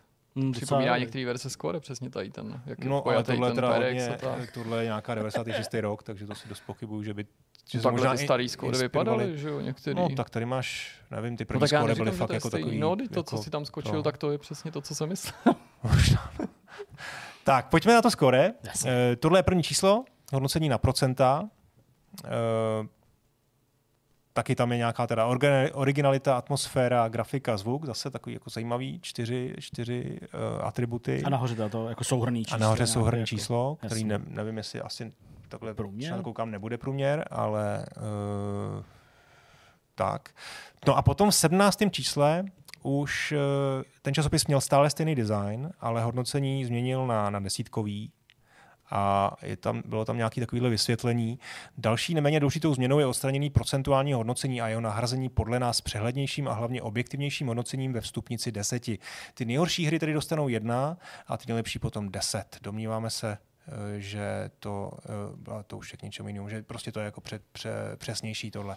Tohle mě taky, jako musím říct, vždycky fascinovalo, že se v těch časopisech buď nárazově, nebo dokonce pravidelně objevoval vlastně jako vysvětlení toho hodnocení. To hmm. podle mě jeden z dílčích jako příznaků toho, že možná to hodnocení není úplně jako šťastný nebo nemusí být úplně jako dobře pochopitelný, pokud ta informace v tom hodnocení není samonosná, ty ho musíš někde bokem jako vysvětlovat. Jo? Jako já vlastně jako nechci vypadat jako notorický prudič, ale jak jsem předesílal na začátku, nechci to zamořit svýma dojmama, je to jako téma, který mě mimořádně zajímá dlouhý roky, takže samozřejmě mám na to jako nějaký, nějaký jako názor Pojď, a ne všechny tyhle mi jako Souhlasím s tebou chytrý. a můžu tady teda ukázat, uh, ukázat jenom příklad toho, jak se k tomu vždycky stavil Edge, který, mm, který vlastně právě si dělal srandu z toho, jak to všichni vysvětlují.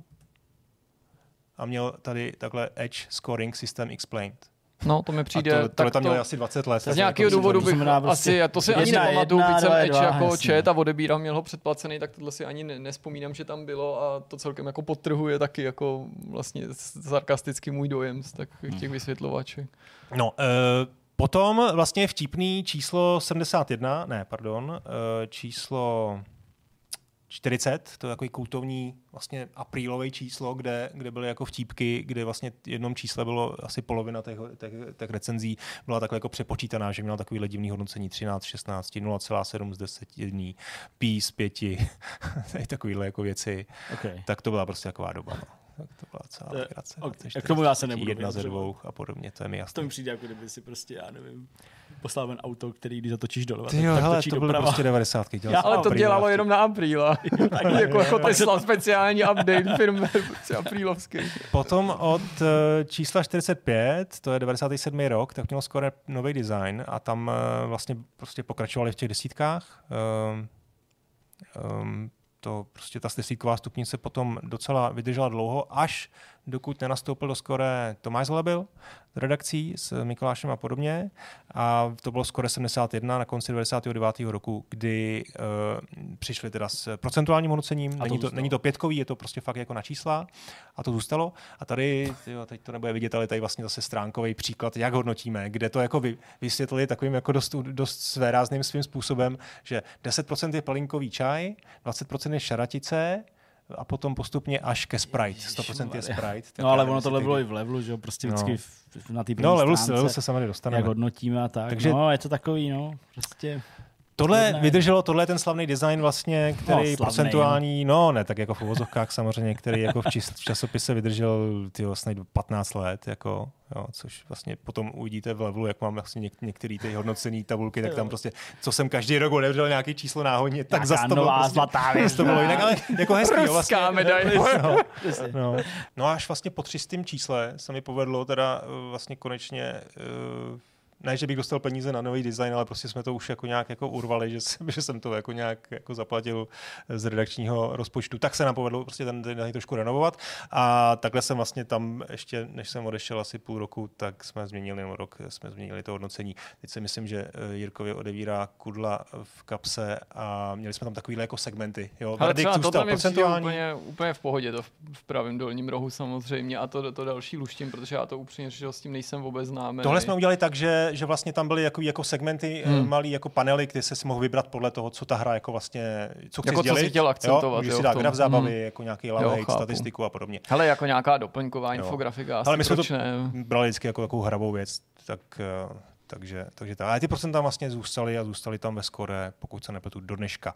No, teď se teda můžeme dostat k tomu levelu. K, hmm. Tohle vlastně byl ten obrázek, který jsem já tweetoval a fakt jako jsem si, a opět jo, zdůrazním, není to nic proti levelu, protože tehdy si myslím, že s tím stejným problémem prostě vlastně se potýkali jak, úplně jak všichni. Mohl to hele, nejlepší, nejlepší autor prostě v začátcích levelu, prostě souhlasím, s perfektní hra, perfektní znám. No, přesně, skoro. říká, přesně jako, jako demo je to moc dobrý, ale jako hra nevím, nevím, 70. to, to je prostě, prostě super. Ale to, to vlastně nechci jako... Hele, vlátička s robotama, Fakt se tehdy jako dost... To mohlo být něco špatného. no, dost se jako tehdy jako přehodnocovalo, ale jako tam v, te, v tom čísle, když se podíváte, tak tam to je úplně neuvěřitelný, jo, že vlastně všechno má mezi 70 a 85 třeba. Nadšený prostě. Jo, takže tak to jako bylo. Těm, těm nikdo nenapsal, že jsou škarohlídi, hele. Těm psali všichni, jak jsou nadšený. No, ale možná jim psali, že jsou zaplacení. možná, i když v té době, no asi jo. No, ale museli to poslat poštou, takže to toho moc nechodilo. Přesně. Uh, v desátým, ne, tohle je Jo, to je desátý číslo z listopadu 95. To už je ta sedmičková soustava, ne? ne? To tohle je není, taky jo. fascinující. To byl Honza Hrodes, už myslím, že šéf reaktor. A to jsou ty vlastně razítka. A to jsou jako razítka. Tam prostě v tom čísle v recenzi na začátku bylo takovýhle razítko a to bylo propadák, průměr, dobrá, super. Mm-hmm. Našel jsem tady ty čtyři, nevylučuju, že ještě byl pátý, ale prostě takhle to bylo. A e, ta změna začala teda v devátém čísle, někdy v tom na konci 95. a měli tam docela jako nějaký vyargumentovaný, jako tady to je prostě, si to můžete jako přečíst, to pauznete, vyargumentovaný eh, úvodní, kde vysvětlili, že eh, jak ty hodnocení jako fungují, jo? že prostě to bude lepší takhle dělat. Ty jsi říkal, že to zaved Honza Herodes, ale ty jsme se Honza Tománka. Jo, to byl ještě Tománek, pardon. No, Jasně, no, já jo, by to tak se jako... omlouvám, dobře, že jsi to opravil, díky. V pohodě, v pohodě. Eh, potom teda A, vlastně sedmičky. přišly, přišly sedmičkový hodnocení. to je nový design level 21, říjen 96. To už byl teda, pardon, šéf reaktor ten Honza Herodes.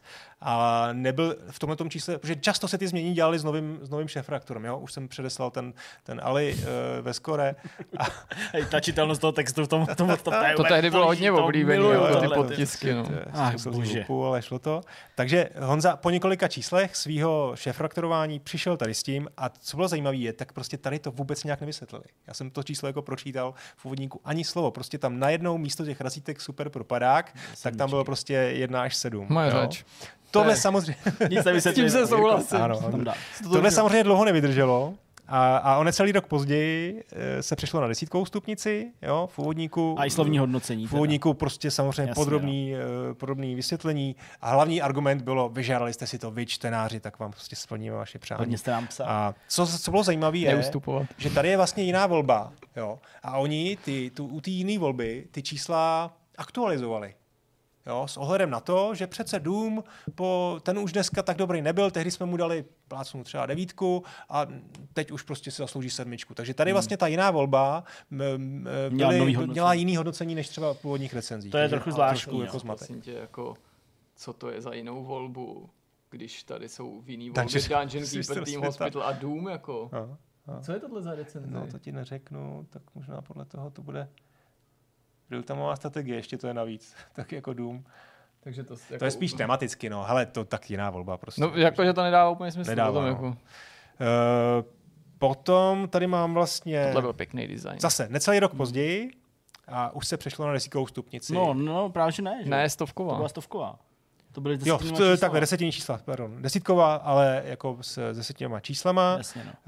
Uh, No? Jo, jo, pardon, už jsem tady. Level Index se to jmenovalo, desetinný čísla, vydrželo to hodně dlouho. Mm. To tady jenom ukážu vlastně, že se sice měl, měnil design, jo, tohle je další zase věc. To je úplně, to zase 8,9, zase 5,5 z 10. Jo, 7,5. Tohle je zajímavý, hele, tohle byl nějaký design. A to tohle není, 0. to je 6,8 asi, ne? Ne, to je 6,0. 0, no. To je Fakt, jo. Mm. Tak to, to my, že jsme... Ale to taky byly právě, že někdy byly ty o těch pětkách, že se to posouvalo, že jo, ne vždycky bylo ve všech, že když je někde v procentech, tak ne každá Takže to bylo redakce... po pětkách, jo? No ne. to já nevím, jestli tady, aha, ale to jenom aha, říkám aha, obecně, jo, že někteří okay, no, měli jasně. sice jako desetinou čárku, ale tak dávali to, jsem... to vždycky jenom o nula tyjo, tak to bych teď... Eh, Tohle je stoprocentně nula, ale jako, no, no. Jasný, no. Pak, pak se to Potom teda rok 2005, tak uh, tam už zase desítkový hodnocení, nebo 1 až 10, jo, a to bylo až do roku 2012. Já už jsem tam jako neměl moc skenů a nedohlal jsem to, tak možná vy mi řeknete líp, ale našel jsem zase, to je 2008, hmm. jo, 2009, zase furt desítkový, 2011. Jo, to bylo a 2012. Tohle takže, poznávám. Tohle poznávám. To je vaše éra, jo. Takže tam prostě No, jako furt to drželo, prostě jako jedna no. až deset přišlo nám to prostě nejlepší, no. Furt, jako, asi. A vlastně potom to změnil až ten nový, až novej, úplně jasný, no, vlastně to. současná. To si ale teda v trestu jako... hodně minul tu kapitolu jo. právě ruských a, a stříbrných a zlatých medailí. Tam, jo? No tak povídejte. Tak byly hvězdy, že jo? Tam ještě no, se dávaly prostě hvězdy. Něco jako zlatá, stříbrná a rudá. A byly to jako ještě takový jako... jako Ty jsi to chtěl jako, zdůraznit. Jsi chtěl zdůraznit. Takže třeba i jako devítková nebo osmičková hra mohla dostat třeba zlatou hvězdu. No, když to se spíš stříbrnou, no, spíš stříbrnou. Ale byla tam jiná, která mohla... No, spíš podle mě vznikaly, a to je i důvod, proč to není chytrý, věci typu nějaká hra měla 9 z 10, a nedostala hvězdu. A nedostala hvězdu, ale pak něco mohlo dostat 8 z 10, ale autor si myslel, hvězdu. že si zaslouží na stříbrnou. Ale právě to je jako úskalí každého no. systému, který jako může být dobře myšlený, ale no. ve své podstatě je komplikovaný, anebo je prostě umožňuje víc výkladů. Hmm. Tak, no. A když to umožňuje víc výkladů, tak jsi buď odkázaný na to, to tam mít vysvětlovaný, což, což tam bylo příklad tohohle toho. Přesně. A nebo prostě vznikají ty interpretace, nebo vznikají nejasnosti, a nebo to nejhorší, co se samozřejmě té redakci může stát, jako mm, z pohledu čtenářů, a to je jako ne, ne, nějaká nekontinuita v těch verdiktích, nebo, nebo nesoulad hmm. těch verdiktů, že... To se stane vždycky, že když, když ti recenzují hry. Jako tak do toho různý lidi, to je jasný, no. ale jako když to najednou vypadá, že to nemá jako nějaký řád, nebo tak, že tam vznikají hmm, jako nelogický nějaký věci. No, pak to slovní hodnocení, to je v tom aktuálním teďka designu. E, dneska tady máš vlastně stupnici 1 až 5, myslím, že teda Jasně. tohle už je starší, to je trošku jako udělali nějak, ale vlastně ten, ten, ten systém je stejný a je tam to jedno slovo, nic moc, dobrá, až, až po nářez. No.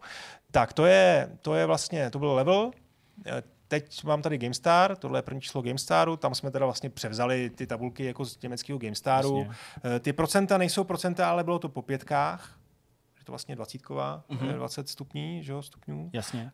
Byly tam nějaký teda kategorie, přičemž Zase, některý jsou jako kvalitativní, jo, to je hratelnost, grafika, zvuk a pak tam je obtížnost, což je spíš jako informativní že, kategorie, ale jsem, si myslím, že to je něco, co určitě čtenář jako ocenil. Uh, co bylo zajímavé je, my jsme tam měli vlastně žánrový, žánrový uh, žebříčky v, tom, v těch prvních GameStarech, když jsme to dělali byla redakce Karla Papíka, tak jsme rozdělili do několika žánrů, byly tam úvodníky a vlastně postupem času, aby ten člověk, který si to koupí třeba za rok, tak aby měl přehled teď, kolik je deset nejlepších her v, týletí, v tomto žánru. Mm. A to jsme tam jako. Ale ty webdecky jste tady, nebo ty hodnocení jste neaktualizovali. Ty jsme ty byli, že jste tam ukázali to, co to ve své době dostalo. tak, ale to je zase prostě v jistém smyslu je to jako může být, zvlášť dneska, když ty hry se jako prostě že žijou dál a lepšou se nový obsah a podobně, tak to prostě bylo to. Recenze v New znamená, že jako aktuálním čísle. to číslo je vlastně nová, jo, protože 2,90. Proč tam prostě není to číslo? nebo nová. Tam není nebo prostě no... jako, nebo, a nebo nová, ale nebo, prostě protože není to číslo, nevím, který zrovna drží v ruce. To, to, no, jako, tak to je prostě. uh, tak, tohle je GameStar uh, z roku 2003. Jasně. Jo, procenta. Stovky. A, ale po, tak, stovky. Po jednotka. Eh, ty žebříčky tam pořád byly, Aha. ale sestavovaly se jenom za poslední rok.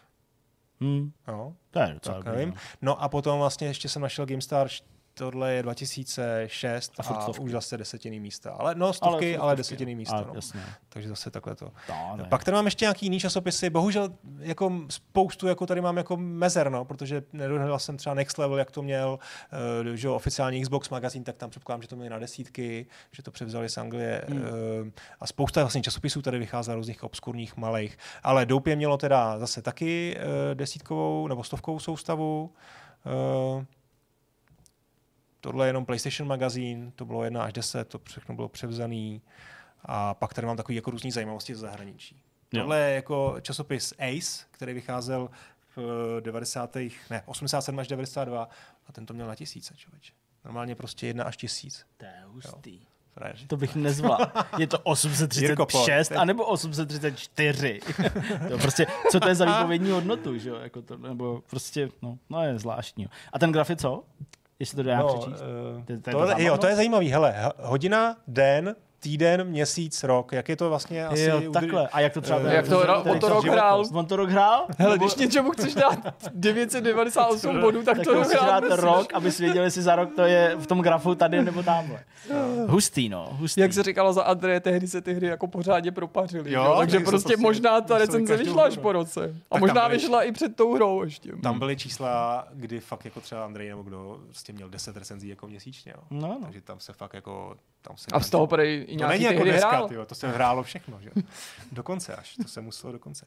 Tohle je ještě taky slavný příklad a to, Není to mimochodem zajímavý, nechci teda jako měnit téma tohohle toho no. bloku, ale že na jednu stranu se o té éře mluví jako o éře, kdy se ty hry fakt propařovaly a čtyřikrát za sebou, jinak Andrej nepřijal ani recenzi a z druhé strany se o té éře mluví jako o éře, kdy se recenzovalo ani i bez hry, když to zkrátím. No, to je no, docela jasně. zajímavý jako nesoulad, ne? Ty no, těch dvou já si myslím, pohledu. že ta první jako vlastně neplatí, že to byly sice pařani, jako který v tom seděli, ale vlastně to, to jak to recenzovali, jako no, to, to tady nechci úplně zase Dobrý, rozbíjet, úplně téma. rozkopávat hračky č, eh, divákům, ale, ale no, mám o tom jako, myslím si o tom svý. Tohle je teda japonský Famitsu, kde byl slavný systém, myslím, že do dneška je, je že byli čtyři recenzenti mm. a každý vlastně má nezávislý hodnocení a vlastně tehdy se jako hodně řešilo, prostě vždycky se čekalo, která hra bude mít 40. Jo? Ale když Takže... si to můžeš dovolit, protože to je otázka personální no, a peněz, jasně. tak je to podle mě velice zajímavý způsob, kterým můžeš získat víc jako subjektivních pohledů a z jejich zprůměrování, aniž by si chodil na Metacritic a podobně třeba trochu relevantnější představu. Navíc se skvěle může hodit, pokud to médium jedno sleduješ a znáš víc těch autorů pro jako formování hmm. tvýho vztahu k těm autorům, protože vidíš tu kontinuitu toho, co si myslí. Často, že jo, i my jsme to určitě zažili, se nás ptali, když třeba Zdeněk něco recenzuje, co si o tom myslí Petr, nebo jak by to hodnotil Petr za mě docela dobrý řešení, ale nepřijím hmm. to zdaleka takový jako plejtvání silama, jako prostě rozepisování toho, jestli index prostě zábavnosti je 8,6. Hmm. Souhlas, souhlas, no. Tak to jsou Japonci, že akurátní a, a dávalo to. A myslím si, že, že se to i drželo, že fakt si věděl, když to dostalo 40 Tak používají to doteď, to se furt, to se furt jako řeší, jako který tituly mají 40. No. No potom vlastně byly takový jako zajímavý, to už je jako spíš jako poznámka pod čarou, takový jako vizualizace. Mm. Já jsem bohužel nedohledal jeden anglický časopis, který si pamatuju, který jsem jako četl a kde u každé recenze byl ten autor znova vyfocený Jo, a, c- jak se jako tváří a zatvářil se, zatvářil se podle toho, jak se mu ta hra líbila. To bylo i někde ve špatném vlivu, nebo v něčem takovém, v nějakém možná video pořád. No, ale, že ale to já, jako vím, já jsem to měl, někde jsem to dokonce teda našel v nějaký německý řešení, ale tam prostě měli před, to určitě někde fotky. bylo. Ale já jsem fakt v anglickém časopise zažil, že oni každou recenzi ho jako vyfotili že to nebylo jako pět stupňů, teď se zatvář jako, že, že dobrá, teď se zatvář jako, že skvělá, teď se zatvář jako, že nářez, ale opravdu po dohrání. Zatvař se jako, jako Doom, Doom, Doom 3. Zatvař se jako turnamenty. Vole. A, no.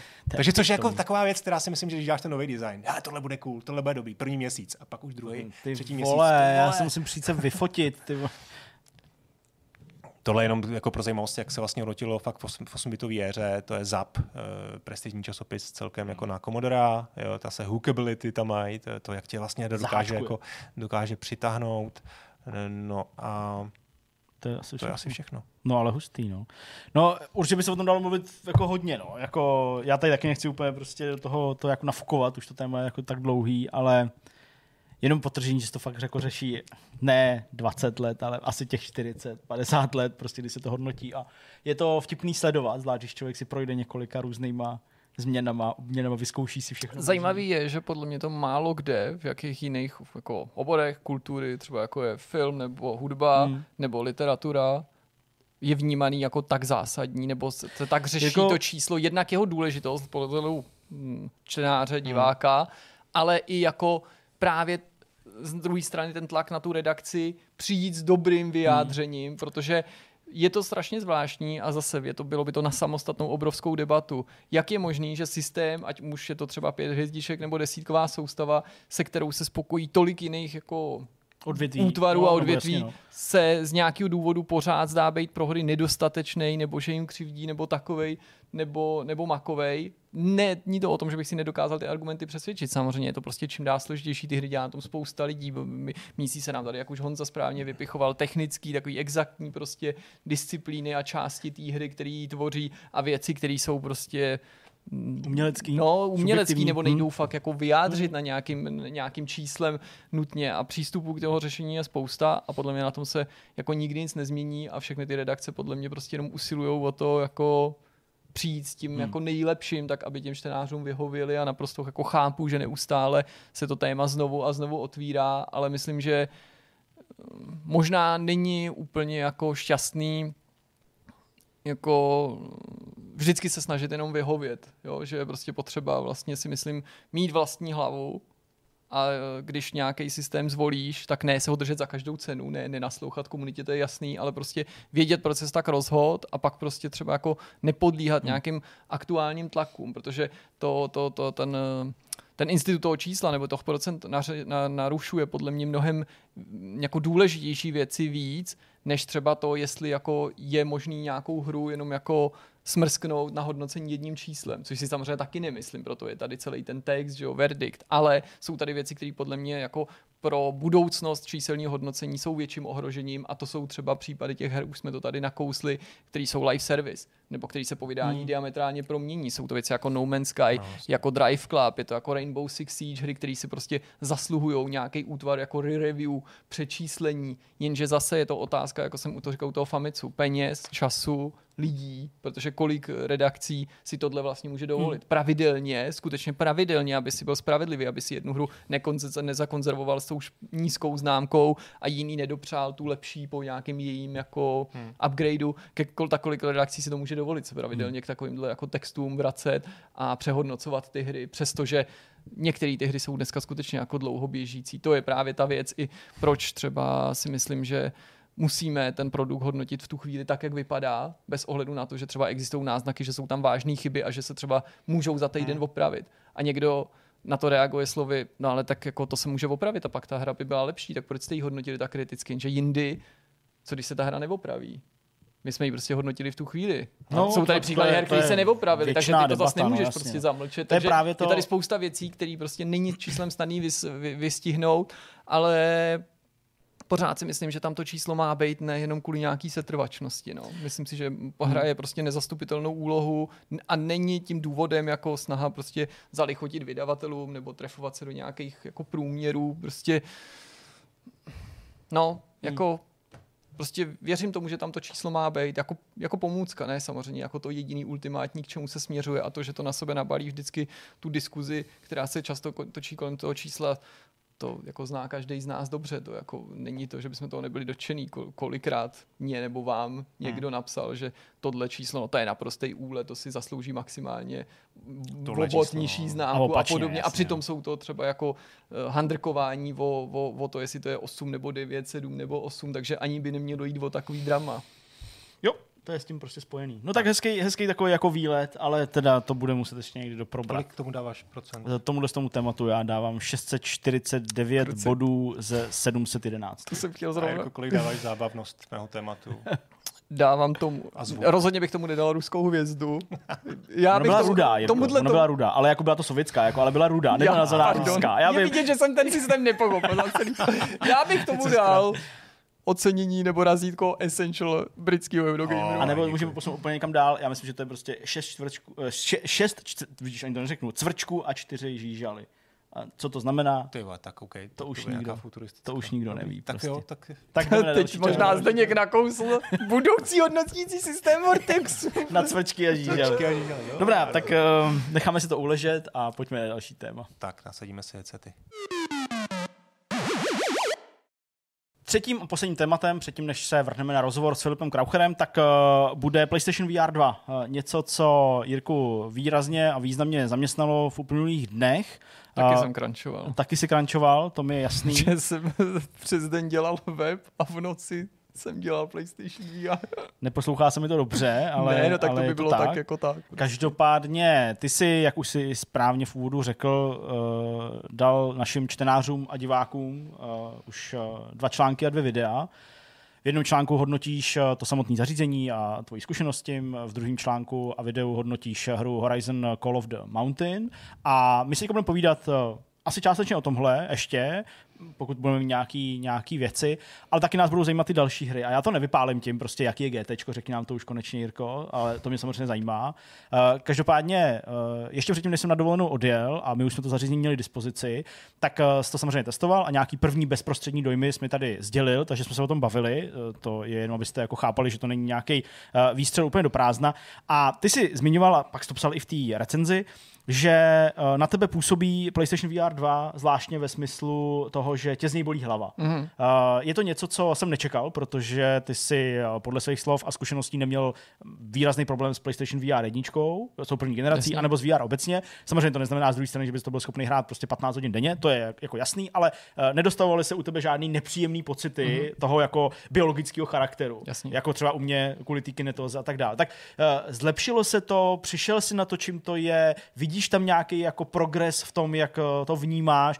Já nechci nutně začínat jako negativně, protože prostě to zařízení samozřejmě jako si zasluhuje i jako pozitivní stránky, ale tohle je něco, co mě fakt mm-hmm. zaujalo jako uživatel. Tak jak na tom je tvoje hlava? Uh, určitě to není něco, co bych zatajoval, v tom svém textu to zmiňuji a v tom videu dokonce jsem psal o tom českém zastoupení Sony dopředu, aby věděli, že tuhle tu rovinu zmíním, ale právě jsem jej ujistil v tom smyslu, že protože to s nikým nekonzultuju a protože zatím ten, to zařízení není k dispozici běžným zákazníkům, takže tam je výrazně zdůrazněný, že to je ryze subjektivní dojem a je to možná něco, co se týká jenom mě. Taky tam zdůraznuju, že může být pro hodnocení a vnímání tohoto toho bodu důležitý, že od dětství trpím na bolesti hlavy často, každý, kdo jako se mnou přijde do kontaktu, potvrdí, že jako mě hlava bolí prostě často se rádká dobře.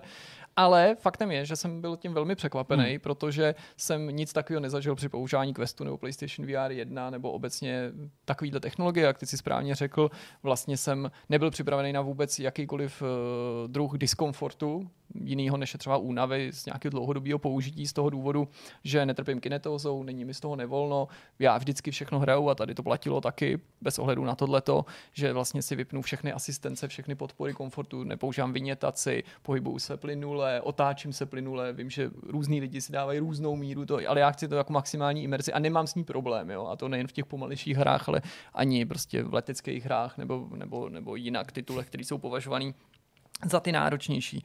Abych ti odpověděl, je to věc, která eh, se částečně zlepšila, ale do nějaký míry se trvává. Změnilo se to v tom, že jsem schopen teďka hrát přibližně hodinu v kuse, aniž by se u mě ta bolest hlavy neprojevila.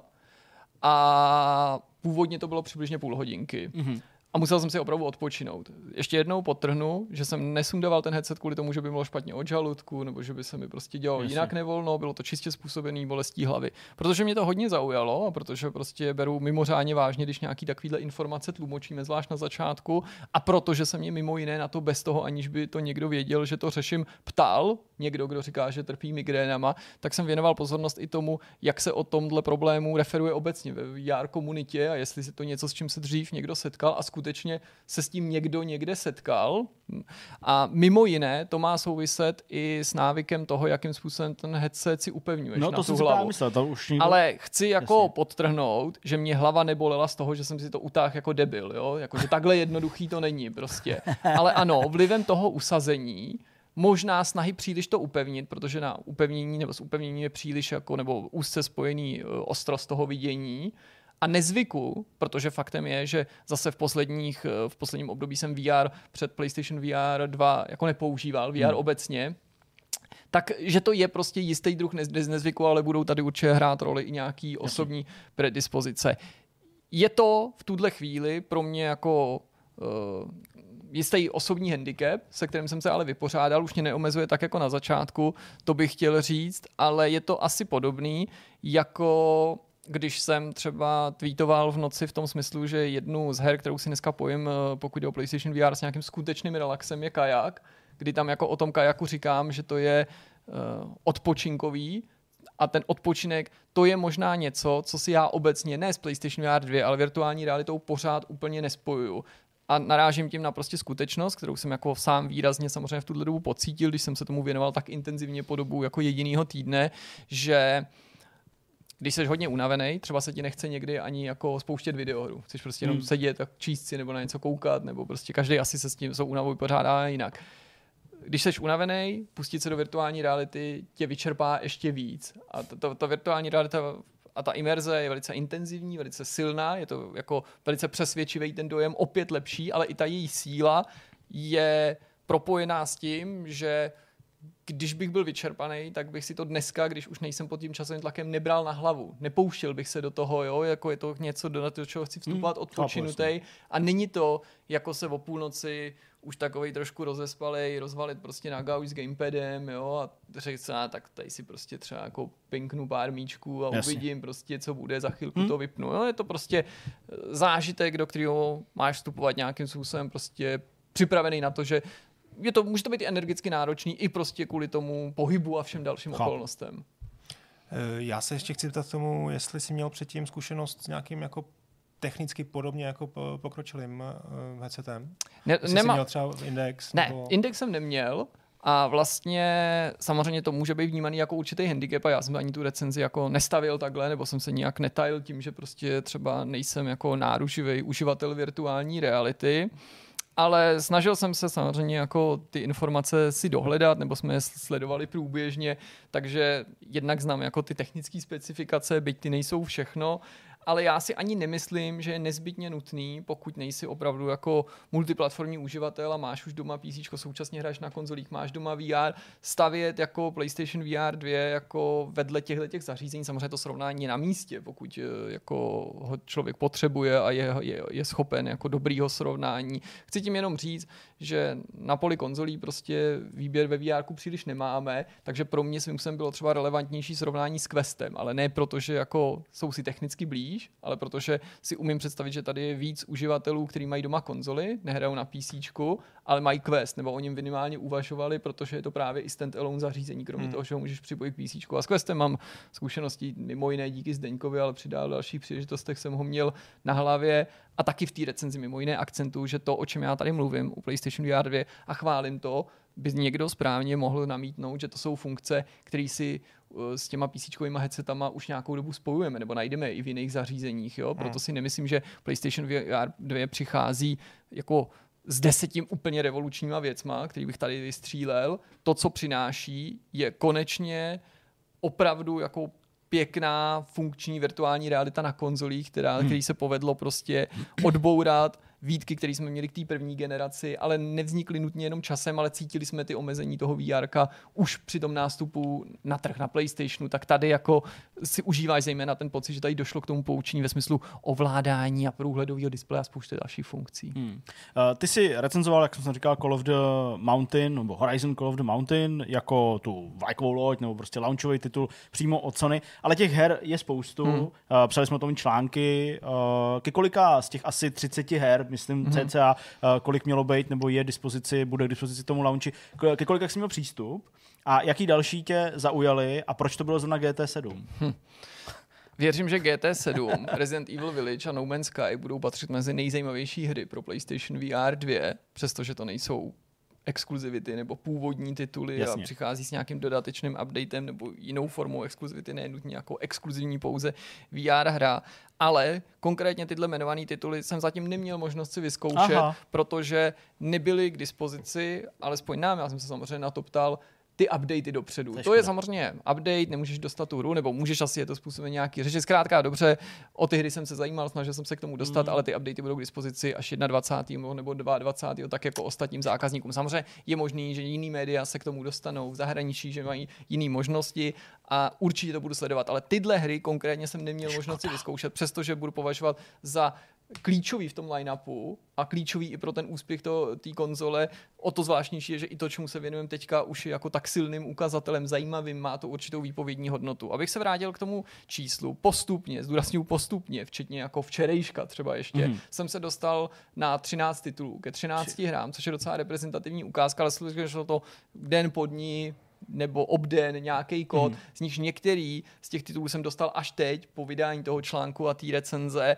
a některý došli bezprostředně před tím uh, embargem, takže už jsem je hmm. třeba jenom vyzkoušel nebo zapnul, nebylo už možnost ty, ty dojmy zahrnout. To taky rozhodlo o tom, proč jsem nakonec nedělal to, co jsem myslel, to znamená jeden text video o, kon, o, o hardwareu a jeden text video o souhrnu těch her, Jasně. ale proč jsem se v tom rozpliznutí nakonec rozhodl soustředit na jeden konkrétní titul, který jsem samozřejmě vyhodnotil jako uživatelsky, zákaznicky a z hlediska naší čtenosti a sledovanosti, že by o něj mohl být ten největší zájem. No a ty tituly samozřejmě, pokud jako budete mít zájem, můžu probrat a ty dojmy můžu tlumočit, protože jsem Jasně. si to samozřejmě na to už tak nějak sumíroval. Klidně vyber prostě něco, něco jako, co, ti, no, co, ti, jako co, ti, co ti no. přijde jako, jako fajn, asi možná nemusím probírat úplně všechno, aby si třeba nevystřílel nějaké věci právě do nějakého potenciálního článku či videa, ale nějaký jako nějaký okay. silný momenty. Hele, já budu vycházet trochu ze svých poznámek, který jsem dělal na Twitteru. Teď úplně jako mezi posledníma hrama jsem se dostal k titulům, který jsem si šoupnul tak jako v hlavě k sobě a to je Res Infinite Thumper a Tetris Effect Connected. Mm-hmm. Uh,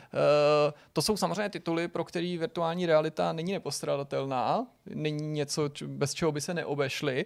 Přece jenom ale se v něčem liší. Mm-hmm. Zatímco Thumper a Res Infinite jsou hrama, kterým ta virtuální realita podle mě skutečně prospívá, a hodí se k ním i tematicky, mm-hmm. o čem ty hry jsou Jasně. a jak ty hry vypadají, tak u Tetris efektu je podle mě, nebyl bych tak přísně, abych neřekl, že je zbytečná, protože každá hra, která volitelně může nabídnout VR režim, nezasluhuje žádný odsuzování, je to prostě servis navíc, ale nemám pocit, že to je něco, co by mi jako um, učinilo ten zážitek jako zajímavější. Není to pro mě prostě zkrátka dobře lepší Tetris kvůli virtuální realitě, ale to neznamená, že to není dobrý Tetris nebo to není dobrá hra, jenom to není ta hra, kterou bych si ve VR zapnul. Moss a jeho pokračování je další dvě hry, se kterými jsem strávil eh, čas.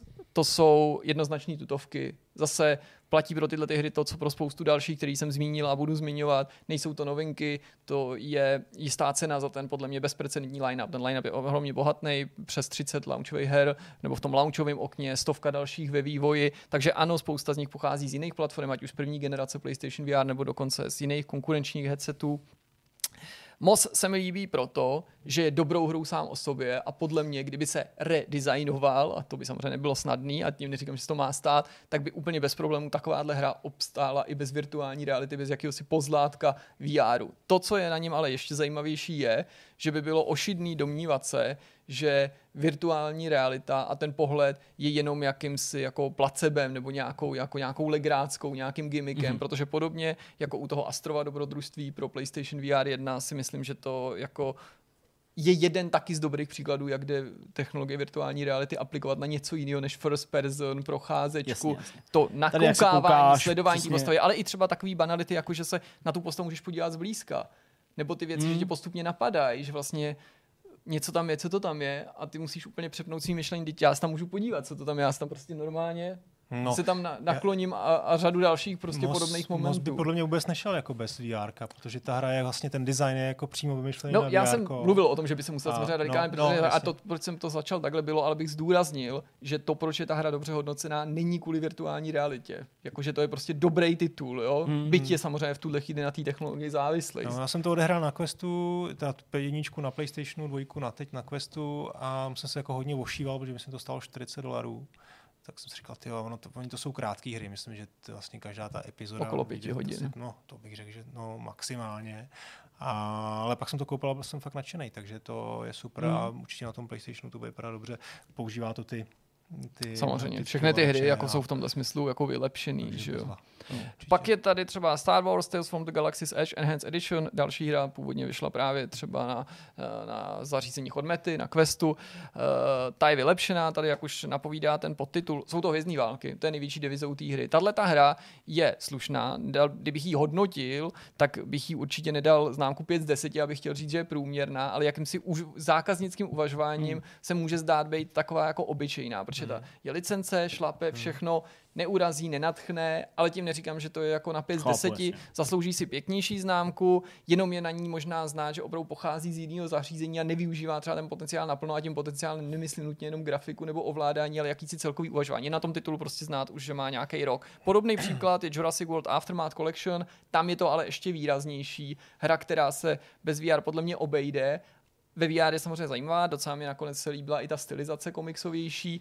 ale nedokáže podle mě trestu hodně, na rozdíl od Call of the Mountain třeba, což se mi na něm líbilo, využít ten potenciál té virtuality v té interakci s tím světem. Když hraješ prostě Call of the Mountain, tak si říkáš, takhle má ta interakce vypadat, nebo podobně, líp, obdobně, jo, ale prostě cítíš, že tady o tom někdo uvažoval. Ty Star Wars jsou na tom právě v tomhle smyslu už hůř a, a Jurský park, ten bohužel prostě tě po těchto zážitcích zaskočí tím, že skoro nic nemůžeš vzít do ruky, skoro nic nemůžeš zvážit. Tam nejsou takové ty forky, jako, hmm. přesně, je to jenom procházíš vlastně takovou Jasně, kulisou.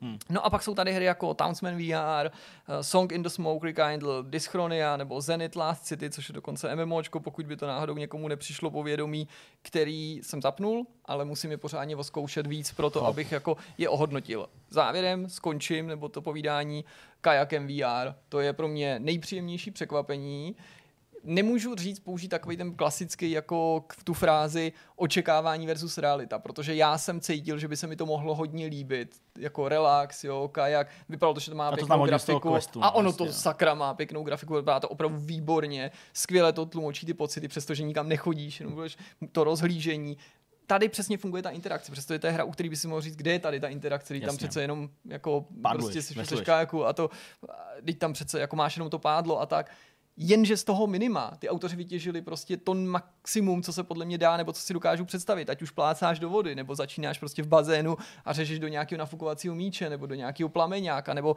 seš v džungli, to, ten, ten, ten, to koryto se zúží, okolo tebe jsou prostě nějaký listy, kitky a ty se jich dotkneš a realisticky, nebo prostě do něčeho nabouráš a nemusíš prostě začít pádlovat. Ne, jenom s tím pádlem prostě odpíchneš od nějakého kamene. Hmm. Prostě všechno se tam děje tak, jak by si očekával. Vypadá to nad očekávání dobře yep. a super realisticky realistické pocity z, z toho pohybu. Prostě já jsem tam dával ten příklad Norsko v noci, v bouřce, přísahal bych, že tam jako jsem na tom moři, protože se se mnou jako fakt prokazatelně hýbala celá židle, určitě přišli nějaký chlapy a celou dobu jako mi takhle pumpovali, ale než jsem si to stačil sundat, tak asi odešli. Skvělá hra, skvělá hra. Vím, že to nebude pro každýho, hmm. ale je to i ten titul, u kterého jsem si mohl odpočinout, když jsem ještě chtěl pokračovat, chtěl jsem nabrat jako dojmy, nechtěl jsem si to sundat, ale už jsem byl jako vyčerpaný nějakou intenzivní akcí, což je třeba i u těch Star Wars. Hele, takhle já to mám v tom Cyberpunku, že jo?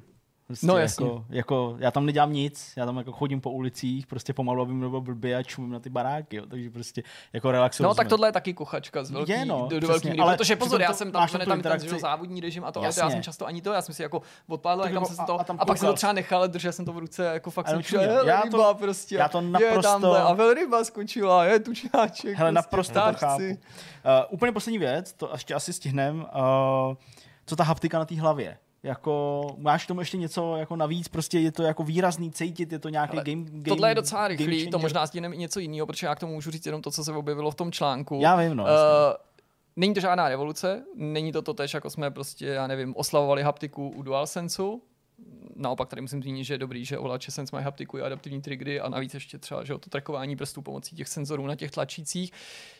Ale není to jako hloupost, za kterou jsme to třeba mohli mít, nebo někdo mohl mít. Není to zbytečný, ale není to podle mě nic jako úplně převratného. Ale pravda, tu a tam se ty vibrace ozvaly na správném místě při havárii letadla nebo něco, ale prostě samozřejmě to ne, ne, to, ta intenzita ani není podstatná, jako jak moc to Jasně. vibruje. Je to prostě něco navíc, ale v tuhle chvíli to jako ne, ne, ne, nezažil jsem zatím nic, co by jako mě úplně jako Chápu. jako přimělo říct jako jo, tak tenhle moment, ten jsem jako procítil o to víc. Ale to neznamená, že to tam je špatně. Nevím samozřejmě, jaký byly náklady hmm. na to hmm. vymyšlení toho řešení a jeho implementaci v tom finálním headsetu, jestli se to vyplatí, když to tak řeknu, ale ale určitě proti tomu nemám důvod bojovat a pokud by to někoho nebavilo, vypnout to může. Hmm. Ty máš ještě, Honzo, nějaký dotaz nad rámec tohohle? Třeba když, to, třeba když to kapučí nebo tak? No, tak samozřejmě pořadníček bych si tady už rád podepsal někde, to jo, jako každopádně. No. Ne, já jsem trošku rozčarovaný z toho line-upu, no. Jako vlastně ještě jsem neměl tu možnost si hrát to Horizon. Přijde mi prostě, že i když to Sony vlastně, dá se říct, odložila, nebo prostě vyšlo to, fakt mělo to vít, čekalo se, že to vyjde prostě třeba v polovině minulého roku, tak jako to prostě víc než půl roku. Tak bych čekal. To neodložili to, jako já vím, to no, nějaký dobře, jako... ale tak jako spekulovalo se o tom, tak řekněme, no to, to takhle jo, to bylo, já mám. A prostě jako, že to očekával dřív, jako jo. Sony to ale nenaznačoval, to právě, říkáš jenom ty, ne? Jasně, dobře, to říkám teda, takhle okay. to řekněme na mě, ale minimálně od toho oznámení, kdy oznámili, že PSVR, že prostě bych čekal, že tu pozornost first party studií jako, že bude jako větší. No. Hmm. Takže, e, takže jsem o to jako zvědavější na Horizon a a prostě doufám, že ještě prostě během pár měsíců něco přidají. No.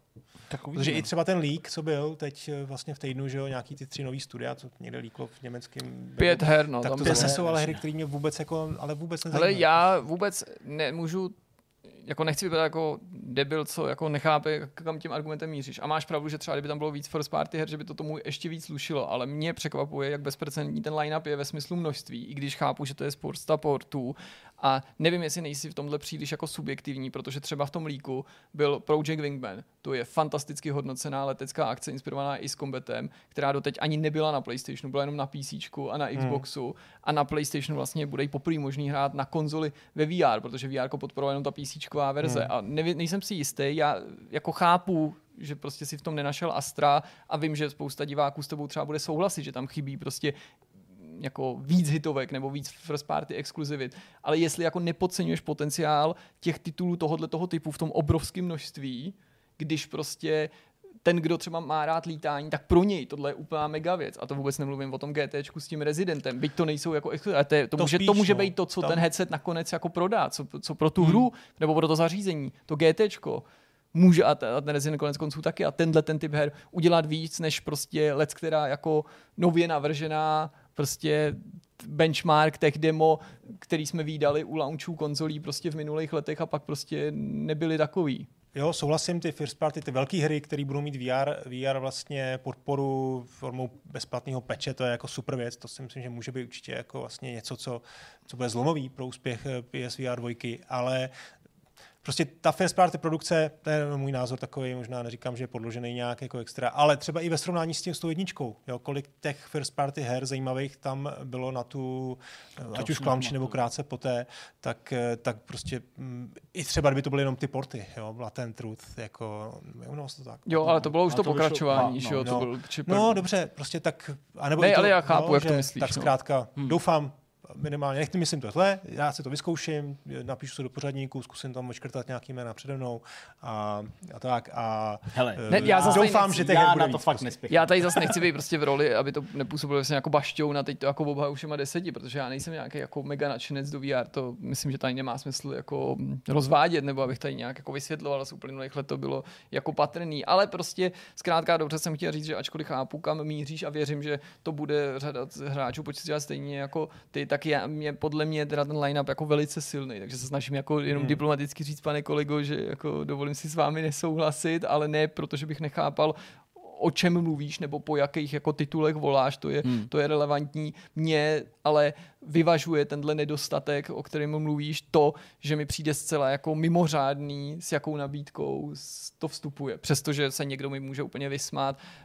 15 z toho by vůbec nehrál třeba. Že třeba tituly, co jsem tady jmenoval, jako nějaký Zenit má úplně prostě, a že ani neví, že Jasně, existuje jo, jo, a Dyschrony, což je jako Chápu. nezájem. Jenom chci říct, že ale jsou optiky super, no. jednotlivých no. zákazníků, tam můžou být věci, hmm. jako já mám Určitě. třeba ten Project tam, Wingman. No. Tam je totiž potřeba, já na to koukám jako člověk, který jako bych skoro řekl, že je jako heavy user questu. Jo? A to je určitě jiný pohled než někdo, kdo ať už quest nemá vůbec, anebo ho teda měl u kamaráda párkrát na hlavě. Tak pro něj samozřejmě ty hry jako spousta, ten most, jako já jsem se ho prostě koupil a odehrál jsem ho, Tambr, nebo spoustu dalších her prostě mám jako odehraných a vlastně přelížím hmm. je, ale pro tebe, anebo pro nový lidi, kteří mají PS5 a vlastně si relativně taky pro ně jako přijatelnou cenu koupit takovouhle věc, tak je to pro ně jako první setkání a pak je to samozřejmě ten pohled úplně nejde. A ty updaty se samozřejmě nesou no. i s tím a to by a to tady je... možná taky mělo zaznít, že je právě šikovný, že spousta PSVR jedničkových her ten update dostane, ale tím nemyslím, že jenom vzniká nová verze, ale že třeba je to bezplatný update. Jo, a nebo právě, že se naroubovávají no obecně VR updaty na hry, které třeba hmm. dosud VR nebyly. Takže tím chci říct, že jako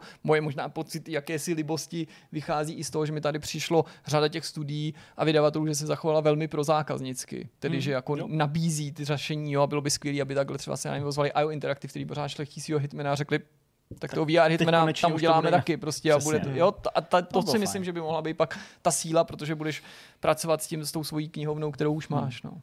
No, já se těším na to, až to budeme streamovat, uh, protože už nebudeme muset instalovat kameru a, a žádný takovýhle ty věci, jak jsme mimo no, a tak dále. je prostě Takže je tam streamovací no. režim? Uh, streamovací režim nevím, jestli tam je, ale tak prostě normálně to můžeš to se prostě, prostě tak jako Jirka prostě nahrává záběry, tak to prostě na, mm, no, Přesně, lidi to můžou sledovat normální obrazovce no, přesně, a řekl bych, že je to dneska mnohem jako komfortnější jo, ten pohled na to pro lidi bez headsetu, že to je takový jako autentičtější. Tak na to se těším.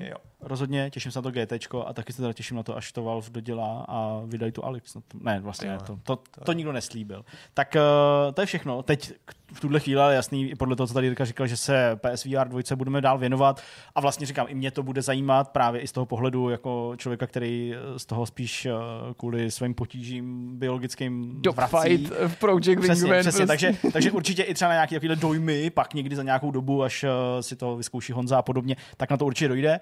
A teďka pojďme dál v tomhle podcastu a pojďme na ten slibovaný rozhovor s Filipem Kraucherem.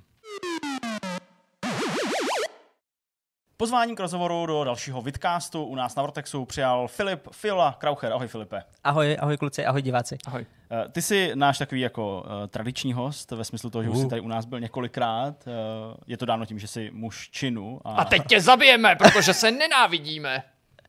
Já jsem do toho chtěl vstoupit. Jenom Ty jsi to nevydržel, viď? Vlastně tu nenávist, že jo? Jsi nikdy pochopil referenci. Můžeš mi to jako připomenout, odkud to, je to. tam někdo, někde píše, že, že, že prostě se nenávidí. Jo, že my se nesnášíme. Ale jo, ale já vás píše. fakt nesnáším, kluci. Ale tam někdo píše, že se třeba Zdeněk se nesnáší s Honzou Modrákem, takže tohle by třeba jako nedávalo smysl, ale jako vzdáleně mohlo být pochopitelný, ale když tady chodí, sedí prostě Zdeněk s Honzou, myslím tím s Bludrem, a pak se tam objeví komentář, je to prostě už jako k nepřehlédnutí, jak se jako kluci snaží trapeně skrýt prostě tu nenávist, kterou vůči sobě cítí. Já tak my se známe hrozně dlouho a já myslím, že jako jakákoliv nevraživost, která tady je, tak je čistě profesionální. Přesně. To znamená, pokud se v něčem neschodneme, tak je to jako taková ta věc, jako hele, já Ano, pane třeba... kolegu, ano, ano, ano, ano, ano, přesně. Respektuji váš názor, i když si myslím, teda, že je špatný. Na druhou stranu, když se pak někde vidíme, tak myslím, že to je v pohodě, ne? Ježiš, že to jo, prostě to ahoj, já myslím, že všichni se tady přetvařujeme jako fakt dobře. Teďka. Ale já jediný, co se snažím dneska tady zakrýt, je to, že mě úplně kurevsky bolí ta ruka, ale úplně prostě v pohodě. No tak takže... prostě neměli jste jít na nože, já jsem vám to říkal, vy jste prostě dělají machry, jsem vám řekl prostě, tak si no. dejte normálně fackovačku českou a... Filip vyhrál, no. Já prostě. prostě tím nožem neumím, já se omlouvám, že jsem poranil zde. já jsem ti říkal, že ten nůž nechytíš prostě za to ostří, ale ty jsi to věděl. Myslíš, že tam řekneme třeba Lubošovi, by tam na jeden frame dal záběr na moji ruku, nebo něco takového, aby tady probliklo. Ale podle mě ten mozek to vidí, když si to jako oči neuvědomí a mohlo by se z ničeho nic někomu udělat u toho hodně sledování špatně. jako nevolno a nevěděl by, se... proč, já jenom koukám na tři. U tohohle by se mohlo někomu prostě. udělat hodně špatně, no ale to je jedno. To jenom pokem nic s tím nemám společného, jo lidi, jakože absolutně s tím zraněním. Jasně, protože se říznul Zdeněk svojí nešikovností, když se mu snažil ten už vytrhnout. to prostě... Přesně Dobře, tak, tak jo. Takhle, takhle nějak to přesně nebylo. Každopádně uh, není tady uh, Filip proto, abychom se bavili o tom, jak jsme se tady před krátkou chvilkou mlátili nožem, ale uh, je, je, je tady proto, protože se vyskytlo hned několik uh, nějakých témat, které se nabalily na tebe, na tvoji práci, na to, co děláš prostě ve Fialosoftu a co, co, co prostě zastáváte. A vzhledem k tomu, že samozřejmě máš práce hodně, tak to na to došlo až teď. Ale bavit se budeme dneska o české hře roku, kterou vy už druhým rokem jste pořádali, když to řeknu takhle a budeme se bavit o tom, jak jste se teda k tomu dostali, jaký stav aktuálně a co můžeme čekat do budoucna. Takže to mě zajímalo, to je jedna z těch věcí, proč tady jsi. A ta druhá je ta vývojářská, protože na Indiana samozřejmě se můžou lidi podívat na internetu, tam jste zcela obnažení na webu, na YouTube a tak dále, že tam určitě ví všechno první, poslední. Ale mě zajímá ta vývojářská část, to znamená Filosoft, a znamená to samozřejmě mačo, eh, o kterém jsme se tady taky že ho povídali, ale určitě proběhly nějaké změny a nás bude zajímat, v jaké fázi vývoje tahle hra je, případně eh, co by se tady s náma uh, mohl podělit o nějaký zákulisní věci. Takže to s tebe v nadcházejících, já nevím, 20, 30 minutách budeme se snažit vytáhnout a začneme tou českou hrou roku. Já myslím, že bychom mohli hnedka na úvod to našim divákům, kteří třeba nesledují tuhle anketu pravidelně nebo nemají v tom nějaký úplně přehled, jenom připomenout, co vlastně je to za anketu a logicky bych to stočil k tomu, jestli to můžu poprosit, jak jste se tedy vy dostali k tomu pořádání, eh, kdy to bylo a co vlastně to pro vás znamenalo, co jste všechno museli převzít, eh, s čím jste tam přišli a dostaneme se určitě k tomu, tomu ručníku, který vlastně, který vlastně proběhl před několika měsíci. Dobře. Eh, v zásadě Česká hra roku je slavnostní vyhlášení cen pro české vývojáře. Eh, dělalo se to tradičně vlastně každý rok už od roku snad 2010, abych ne, nelhal. Ono to kolem toho roku to určitě je.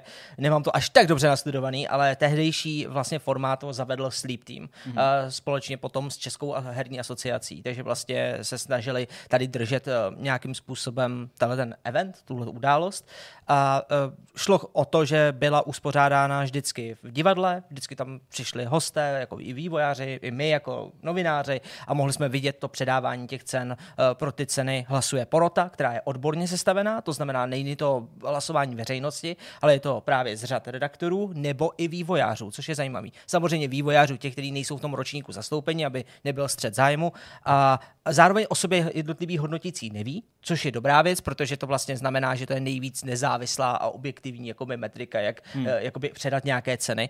Uh, abych jenom to zkrátil, to, tyhle ty věci si můžete i dohledat na internetu, Jasně. jakoby ta historie české hry roku je velká. Každopádně se stala situace, kdy my jsme očekávali i v Indianovi, podobně jsme měli jako, jakoby očekávání, jako kdy přijde pozvánka na další českou hru roku a bylo to právě v covidovém období, bylo to krátce potom, co Sleep Team vlastně ohlásil Bulánky a my jsme se dozvěděli, že česká hra roku nebude.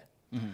A že jí prostě, že na ní nemají čas, že na to nemají kapacity a hlavně, že na to nemají peníze tak tehdy jsme se vlastně, uh, vlastně s, uh, s Kamilou ze Sleep Teamu a s Pavlem Barákem uh, domluvil, domluvili a já jsem jim nabídnul tu možnost, hej, tak to my to uděláme. My to zařídíme, my to převezmeme, tu, tu věc, uděláme to jako licenci, myšleno tak, že si od vás propůjčíme tu, tu věc, my zařídíme všechno podle vás. Takže oni nám řekli, jaké kategorie můžou být, jaký věci, hmm. jako, jakým způsobem by to mělo vypadat. Samozřejmě byla tam i taková ta diskuze zákulisní, jako že by byli rádi, aby to bylo v divadle, tu jsme nakonec uhájili, že ne, že to není v našich možnostech a udělali jsme z toho online takový jako populár, to, co děláme, ten infotainment, který jako děláme v rámci Indiana nejvíc a který nás nejvíc baví. To, to znamená předem přetáčené natáčení, eh, které potom vysíláme živě, protože jsme tam do toho zapojili soutěže a nakonec se nám tam podařilo vlastně propašovat i kategorii online hlasování. Mm. To znamená, že lidé mohli rozhodnout o jedné kategorii.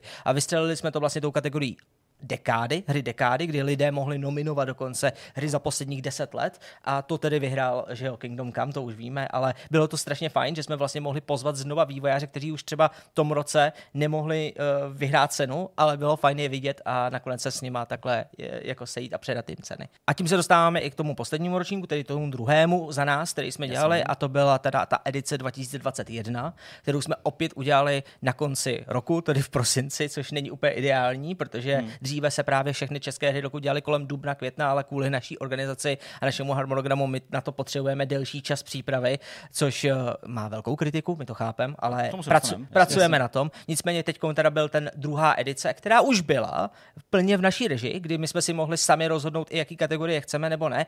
My jsme nakonec zachovali ty, jak chtěli původní tvůrci, ale přidali jsme tam samozřejmě tu veřejnou kategorii, kterou věříme, že už ta s náma zůstane. Eh, vždycky je tématizovaná. Letos byla tématizovaná pro, jako cena za nejlepší komunitní podporu. Takže tam mohly být zase hry za posledních deset let, ale ty, které vydávají kontinuálně aktualizace a starají se o hráče, o ten obsah.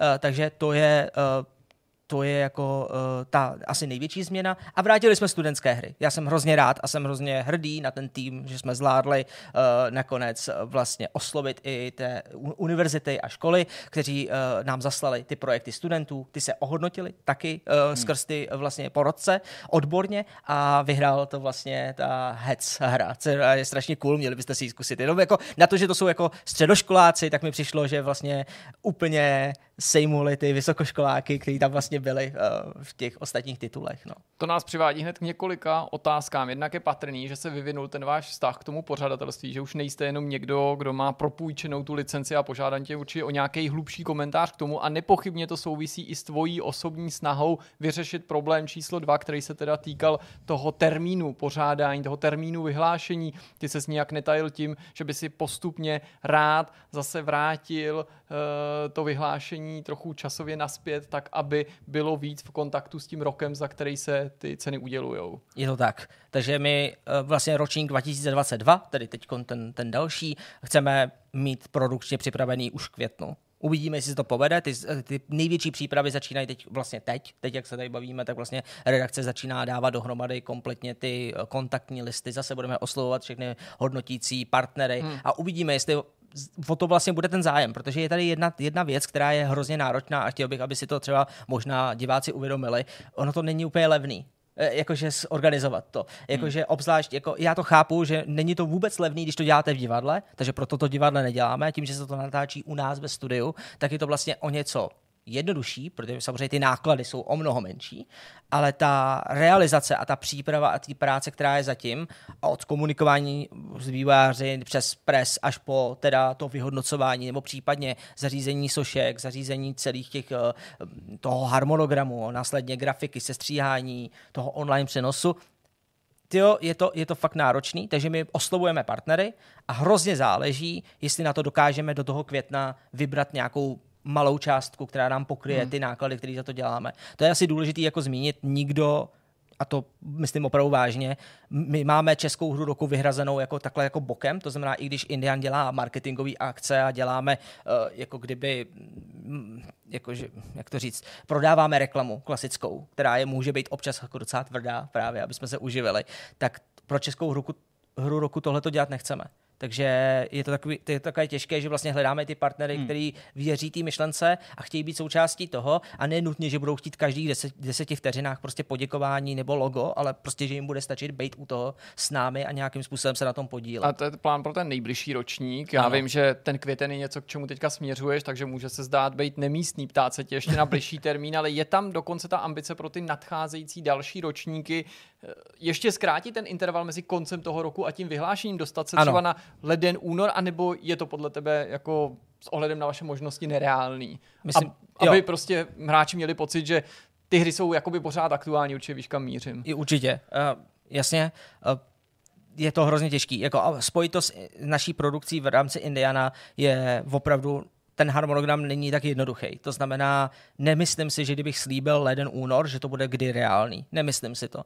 Protože... Ani když tam vznikne to vlastně uh, ten prostor tím, že teďka dobře to uděláte ve zrychlený módu na květen, ale vlastně další vyhlašování byste měli už za víc než půl roku, de facto. A, my to máme, a pak už jo. by to byl rok, že jo. Vlastně je to jako zatnout zuby, já chápu, jo, upozadit možná něco, nebo to možná bude drahý, ale vlastně je tady celkem jako vidět konec toho tunelu, kdy se můžeš dostat do toho ročního intervalu, který hmm. už může být pohodlnější. To je, to je pravda, asi jde na to zařídit, být, najít, jako najít více lidí, kteří se o to budou starat a v tom případě, pokud se nám to povede, sestavit ten tým, nějaký skeleton crew, který se jako o to postará, že mi, pom, mi s tím pomůže, ať už u Jasně. nás vnitřně, nebo nějaký brigádníci, nebo dobrovolníci, tak klidně, uh, to je realistická myšlenka. No, ale tady je důležitý kluci, abyste si uvědomili jenom jednu věc, a to my častokrát říkáme třeba u nás na kanále, ale uh, my máme leden, v rámci Indiana jediný volný období, kdy máme opravdu jako dovolený. Hmm. To znamená, pro nás, jako já si nedokážu představit, že po tom zápřehu, obzvlášť po tom QQ4, která je prostě úplně šílená,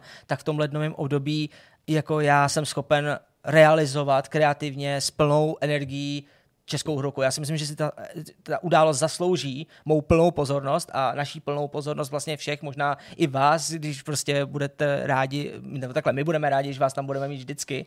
A prostě eh, to mimo jiné znamená, že já si myslím, že to jsou všechno výmluvy, já to chápu, ale prostě... Ne, tak to jako prostě, ten, jako má to takhle nastavený, tak jako... Ten leden by byl těžký, únor o to horší, protože únoru my naopak startujeme veškeré formáty, nové věci, nové grafiky, většinou děláme refreshe hmm. a takovéhle věci. A to zase by uškodilo třeba jiným našim projektům, což bych nechtěl, ale myslím si, že realistický odhad, že, jako, že to budeme dělat v březnu do budoucna, je reálný. Hmm. Ten třetí měsíc. To znamená, že to stále strčíme do toho prvního čtvrtletí, to by se mělo podařit. Hmm. Takže když to fakt klapne v květnu, tak máme opravdu, jak ty říkáš, celý rok na další přípravu, aby se to stáhli na ten březen. A to si myslím, že jde udělat ta první otázka, která vlastně v rámci tohohle byla položená, pak uh, mířila teda na, to, na, to, na ten přístup vlastně k uh, té licenci nebo mm-hmm. vůbec k celému tomuhle předávání, k tomu formátu uh, Česká hra roku. Tak můžeš teda osvětlit, jestli teď už to teda vlastníte, nebo víš, ta vaše angažovanost je dost jako značná, tak možná, aby i diváci měli prostě přehled, kdo teď teda je vlastně hlavním organizátorem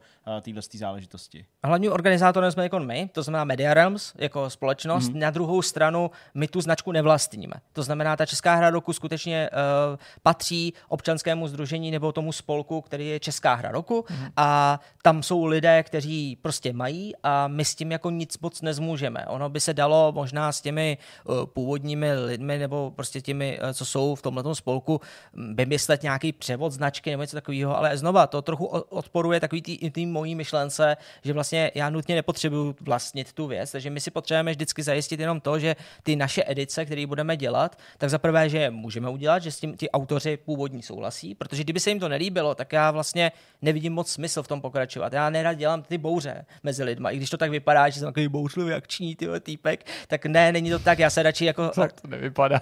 Ne, tak většinou dělám, že, že vždycky jako jdu proti někomu a vždycky mám jako hromadu komentářů a vždycky hromada lidí mě snaží za moje výlevy. Tak prostě přesně to je jako i ono. Já se ale mnohem raději shodnu s lidmi, sednu si dohromady a prostě společně vymýšlíme ty věci. I když se jedná o konkurenci, nebo se jedná o nějakou prostě, já nevím, nějaký, nějaký velký společnosti, protože věřím té myšlence, že nebo takhle, já se vždycky snažím představit si, jaký by to bylo, kdybych měl tu příležitost já být oceněný. Víš, takový to, kdybych si mohl jednou převzít takovou sošku já, jak bych chtěl, aby to vypadalo a jaký ten ceremoniál by mohl být cool.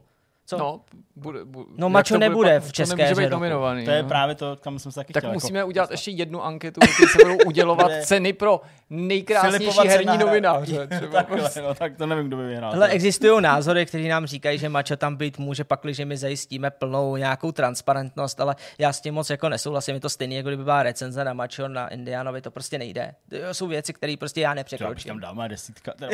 Vlastně ne, počkej, vlastně, už. Už ne, no ne, všechny achievementy. A pak by si tam jako Ole, objevila prostě. Ne, ale na, nastříká tam všechny ty, ty achievementy, že jo, tak prostě. to je prostě jako málo platný, je to pořád nějaký subjektivní útvar. Já za to nemůžu, že tomu autorovi prostě přijde ta grafika excelentní zážitek taky, je to prostě tak. Prostě my za to nemůžeme. Uh, čili uh, ta jasná budoucnost teda je nastavená, ty akce minimálně pro ten další ročník, jak jste tady o tom teda mluvil, nebo ten váš nějaký plán uh, květnový CCA. Pokud vyjde, nevíde, to samozřejmě budeme postupně sledovat. Ještě jedna možná ale věc k tomu. Um, už jste možná je to jako něco, co mi nebudeš říct, to je v pohodě. Jasně. Jo, ale už jste přemýšleli v týmu, v jaký kategorii budou tentokrát hodnotit nebo vybírat vítěze fanoušci, diváci? Máme pár nápadů. Máte pár Máme nápadů? pár nápadů, jako ono se to odráží od té tematičnosti. No, Zatímco no, ta, před, eh, ta první naše edice byla právě ta dekáda, jasně. pak teda komunita a češtiny, tak teď prostě my vymýšlíme, máme tam asi nějaký tři různý témata, nebudu vám teď říkat, ale prostě jsou to, jsou to jako, je to věc, kterou na to nabalíme potom kolem hmm, toho. Jasně. Nebo máš nějaký nápady?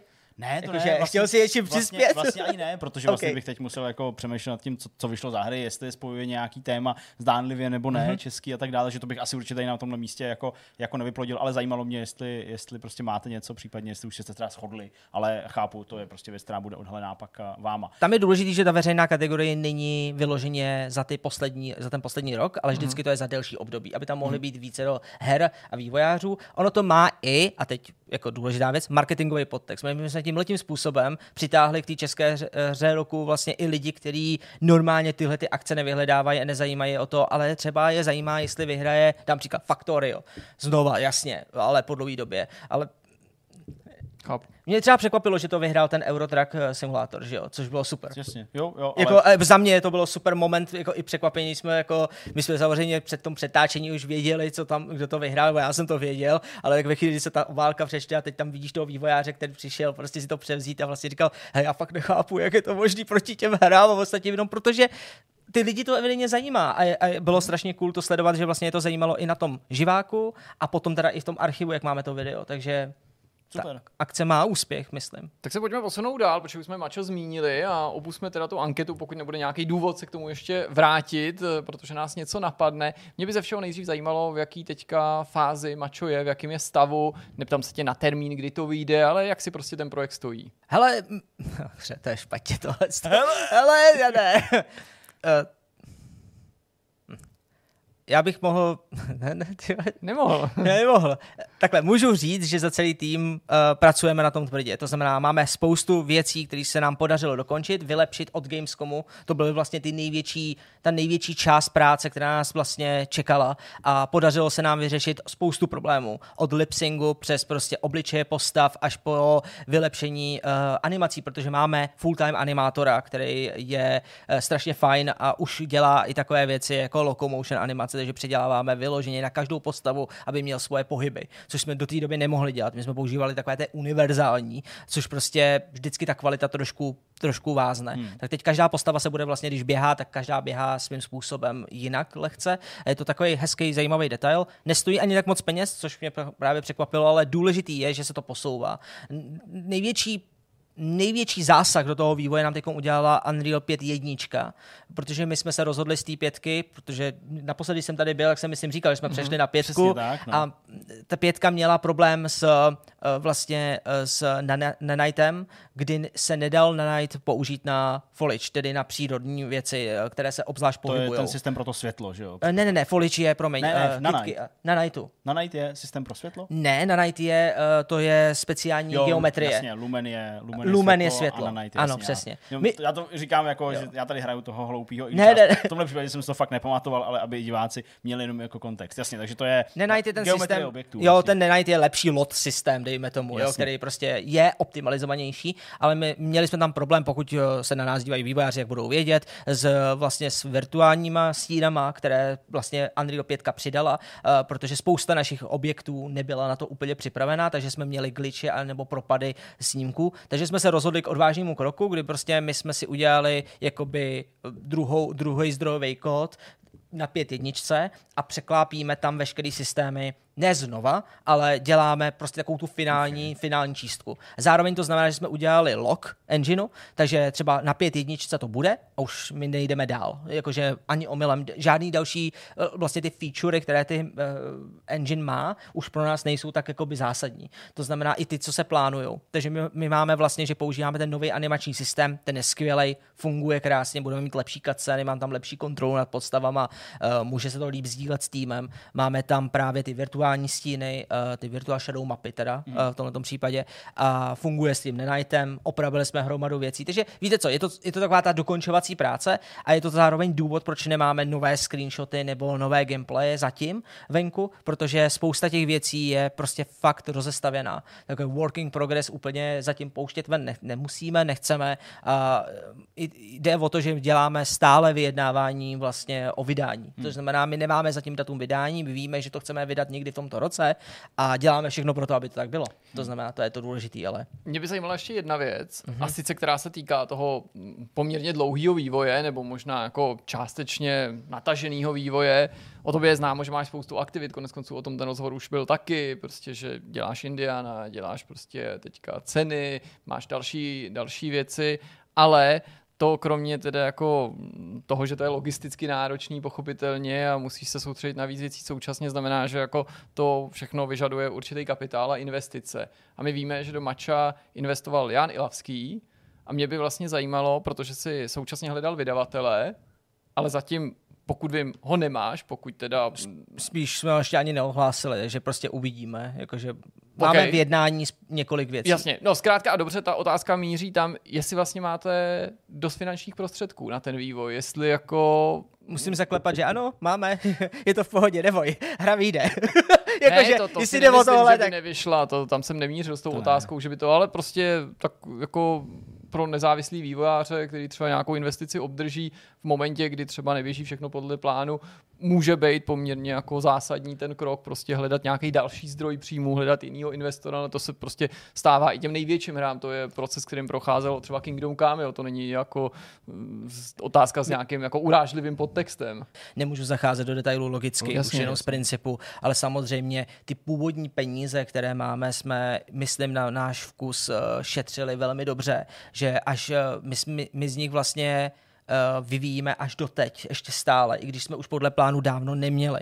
Takže já jsem tím chtěl říct, že jenom, že náš tým dokáže, a doufám, že to tak bude vnímáno vlastně i v týmu, až tu uvidíte ten rozhovor, ale je to prostě, my si občas saháme i na, na vlastní komport, a jenom kvůli tomu, aby jsme poprvé s tím, uh, s tím budgetem prostě vyšli. Je tam velká zodpovědnost, jako já mám, já mám ohromný stres právě ze zodpovědnosti vůči Jánovi, protože sam, jako vím, že tomu projektu věří, víme, že to je riziková investice vždycky do těch her, ale já není ani pochyb o tom, že všichni v týmu tomu projektu věříme. Já do toho dávám maximum, co můžu. A ano, samozřejmě občas se bojím, že lidi budou vidět, že dělám videa na Indianovi nebo dělám tady prostě uh, s váma vidka, místo toho, abych seděl u, u mača a už ho vydal. Ale ono tak úplně není. Ta, fáz, ta práce je rozfázovaná, ona je poměrně dlouhá, ta, ten vývoj je dlouhý a moje práce je teď na trochu jiný úrovni pro mačo, než právě sedět u kódu nebo u engineu. Takže teď, teď je právě taková ta největší část pro programátory a pro designéry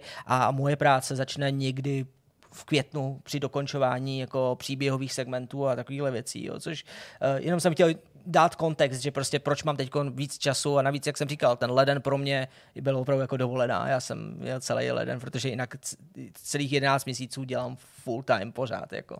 Ty jsi mluvil o tom, že jste přešli na Unreal 5.1 nebo Engine 5.1. Zároveň jste to vlastně pojmenovával jako takový dokončovací práce. Eh, dá se nějak vyčíslit, byť chápu, že je to dost jako náročný, eh, v jaký fázi ve smyslu třeba obsahu ta hra je, nebo eh, co ještě musíte vlastně vytvořit, kromě toho překlápění, jak jsem mluvil, jo, dodělat do té hry jako takový. A ptám se, ptám se logicky z toho důvodu, ty jsi to řekl, že děláte maximum pro to, abyste ten letošní rok, rok stihli, na druhou stranu to vlastně zní, jakože je to trochu problém, přesto na tu pět jedničku, jestli, jo, nechci si explicitně ptát, jestli došlo na interní odklad a tak dále, ale prostě kolik toho ještě chybí dodělat, aby to třeba možná dalo nějakou zdánlivou perspektivu divákům, který na tu hru, uh, a řekl bych třeba i právem čekají my to přesně nevíme, což vím, že není úplně nejlepší odpověď Jasně. obecně. Ale je to z toho důvodu, že já celkem věřím tomu, že ty věci si sedají, jo? Že, jako, hmm. že to jde postupně. Takže já nechci teď lhát a říct nějakou informaci, která potom bude působit milně. Můžu říct, že asetově máme de facto asset lock. To znamená, z hlediska objektů, modelů a věcí máme hotovo. Mm-hmm. Maximálně tam jsou dokončovací práce, takový ty typu, že jdeme do nějaký mapy a třeba Flappy mu se řekne, tady by se mi hodil žebřík například. A teď prostě náš modelář jde a ještě přidělává žebřík nebo nějaký jednotlivý modely. Jsou, mm, Ale takové ty základní koncepty těch všech úrovní, co potřebujeme, včetně od vlastně té základny triagonu přes Arktiku až po prostě tu poušť, kterou tam potom máme, tak vlastně všechno by mělo být ready, všechno máme jako připravený. A teď samozřejmě je ta druhá fáze, kdy se skládá všechno dohromady a kdy hlavně pracují level designéři, kteří vlastně překlápí nápady z akčních bloků, které se vytvářely celou dobu a tvoří z nich tu kampaň, ten náplň. Moje práce souběžně s tím je samozřejmě dokončovat scénář, Jasně. takže to je taky taková věc. Já mám začátek, mám konec, mám spoustu chybějících dialogů třeba v tý, na té základně. Tam to tam to právě ještě není. Takže třeba kdybych byl naprosto upřímně otevřený, tak moje práce v tom může být ještě následující třeba tři měsíce úplně s klidem jenom na scénáři, mm-hmm. ještě než jako se dokončí všechny dialogy. Protože prostě to. Ale ten hlavní příběh máme layoutnutý, ten je jako připravený a e, vlastně součástí toho je i dubbing. Takže anglický dubbing Jasně. nějakým způsobem funguje, ten jako probíhá. Na druhou stranu nás čeká teď uh, vlastně český dubbing. Mm-hmm. Uh, čeká, čeká nás vlastně odhalení těch českých herců, uvidíte gameplay trailer, uvidíte nové vlastně věci, uvidíte, jak funguje ten lip sync i ty na těch postavách, uvidíte naše herce, které jsme vybrali. Zde někdy Takže... nezapomnutelné roli uh, kulhajícího robota. opilýho trpaslíka. takže, to, takže to bude třeba taková ta novinka pro české a slovenské hráče, hmm. že jako něčím se připomeneme takhle, ale jinak pro to zahraničí, tím, jak je to i v tomto roce docela kritický s eh, releasama her, když se na to podíváte, kolik her vychází a takových jako fakt jako dobrých, tak hmm. samozřejmě tady převládá nějaká nějaký strach u nás. Jo, jakože vy, vystřelit to třeba uh, v období listopadu nebo prosince není asi úplně chytrý. Takže my jsme připravení i na to a já jsem se snažil se všema v týmu o tom komunikovat, že ačkoliv třeba nám peníze vyjdou jenom třeba do listopadu, tak potom prostě my budeme třeba čekat dva měsíce, než ta hra vyjde. Třeba ji můžeme využít ten prostor uh, na dodělání bugů nebo uh, jo, optimalizace, hmm, já nevím. Ale tohle se těžko, těžko jako předpokládá. Takže abych to úplně schrnul, kdybych to měl schrnout jak recenzi, prostě jak je to nějaký 85% hotovo, asi, protože tyhle ty dokončovací práce, které já teda označuji za dokončovací, pro někoho může znít, to není úplně jako dokončovací. To byl ten důvod, proč to, na to ptal. To vypadá jako fakt jako hodně práce Takhle ještě. bych se nezeptal, ale... ale, ale, ale není, není, to úplně tak, protože vy, když jste v tom řemeslu a děláte ty věci, tak vlastně, ano, hromada lidí vám řekne, no 90% hry se udělá úplně jednoduše, ale těch posledních 10%, to je jak dalších 100, jakože prostě je, je, to, je to hrozně náročný což nezazlívám, je to náročný. Ty máš výhodu, že v týmu, myslím okolo Indiana, máš eh, herní novináře, takže je vlastně celkem snadný sáhnout si po nějakém autorovi pro nějakou moka recenzi a teoreticky se i vyhnout nějaký autorský slepotě, která vzniká při tom vývoji nepochybně, tak jako při jakýkoliv jiný kreativní činnosti. Máš pocit, že jako už v tuhle chvíli eh, se vám začíná jako krystalizovat v hlavě jako s jakou známkou byste byli spokojení, když to řeknu hodně elementárně, na jakou, a to ji nemusíš prozrazovat, to, to, tam se neptám, spíš jako jestli už teďka máš představu, jakýmho výsledku chcete vlastně dosáhnout. Určitě. Pěkný dlouhý text, tři achievementy kladný, jeden tam bude záporný, číslo žádný. Přesně tak, geniální, takhle bych si to představoval, to by byla nádhera. Jak se jmenuje jo. ten červený, fakt hnusná grafika. Kdyby jako na tom radarovém grafu to bylo jako takhle, jako, že se to rozprskne do všech stran červeně, by to, bylo, to by bylo hezký. Ale... A, a nezahřálo by tě, by tam prostě takhle byla ten, takhle ta špice k tomu příběhu prostě. No to by bylo hezký, jo. jo. Ale, ale, aby se udělal špice, to by znamenalo, že by musel no právě, audio to je pravda, tak, takže tak hrbolek, tak. Ne, že by to vy, proniklo prostě z toho, z toho hexagonu prostě ven taková já bych rád mírně očekávání ohledně toho příběhu. Asi všichni ví, že já nejsem úplně nejlepší spisovatel.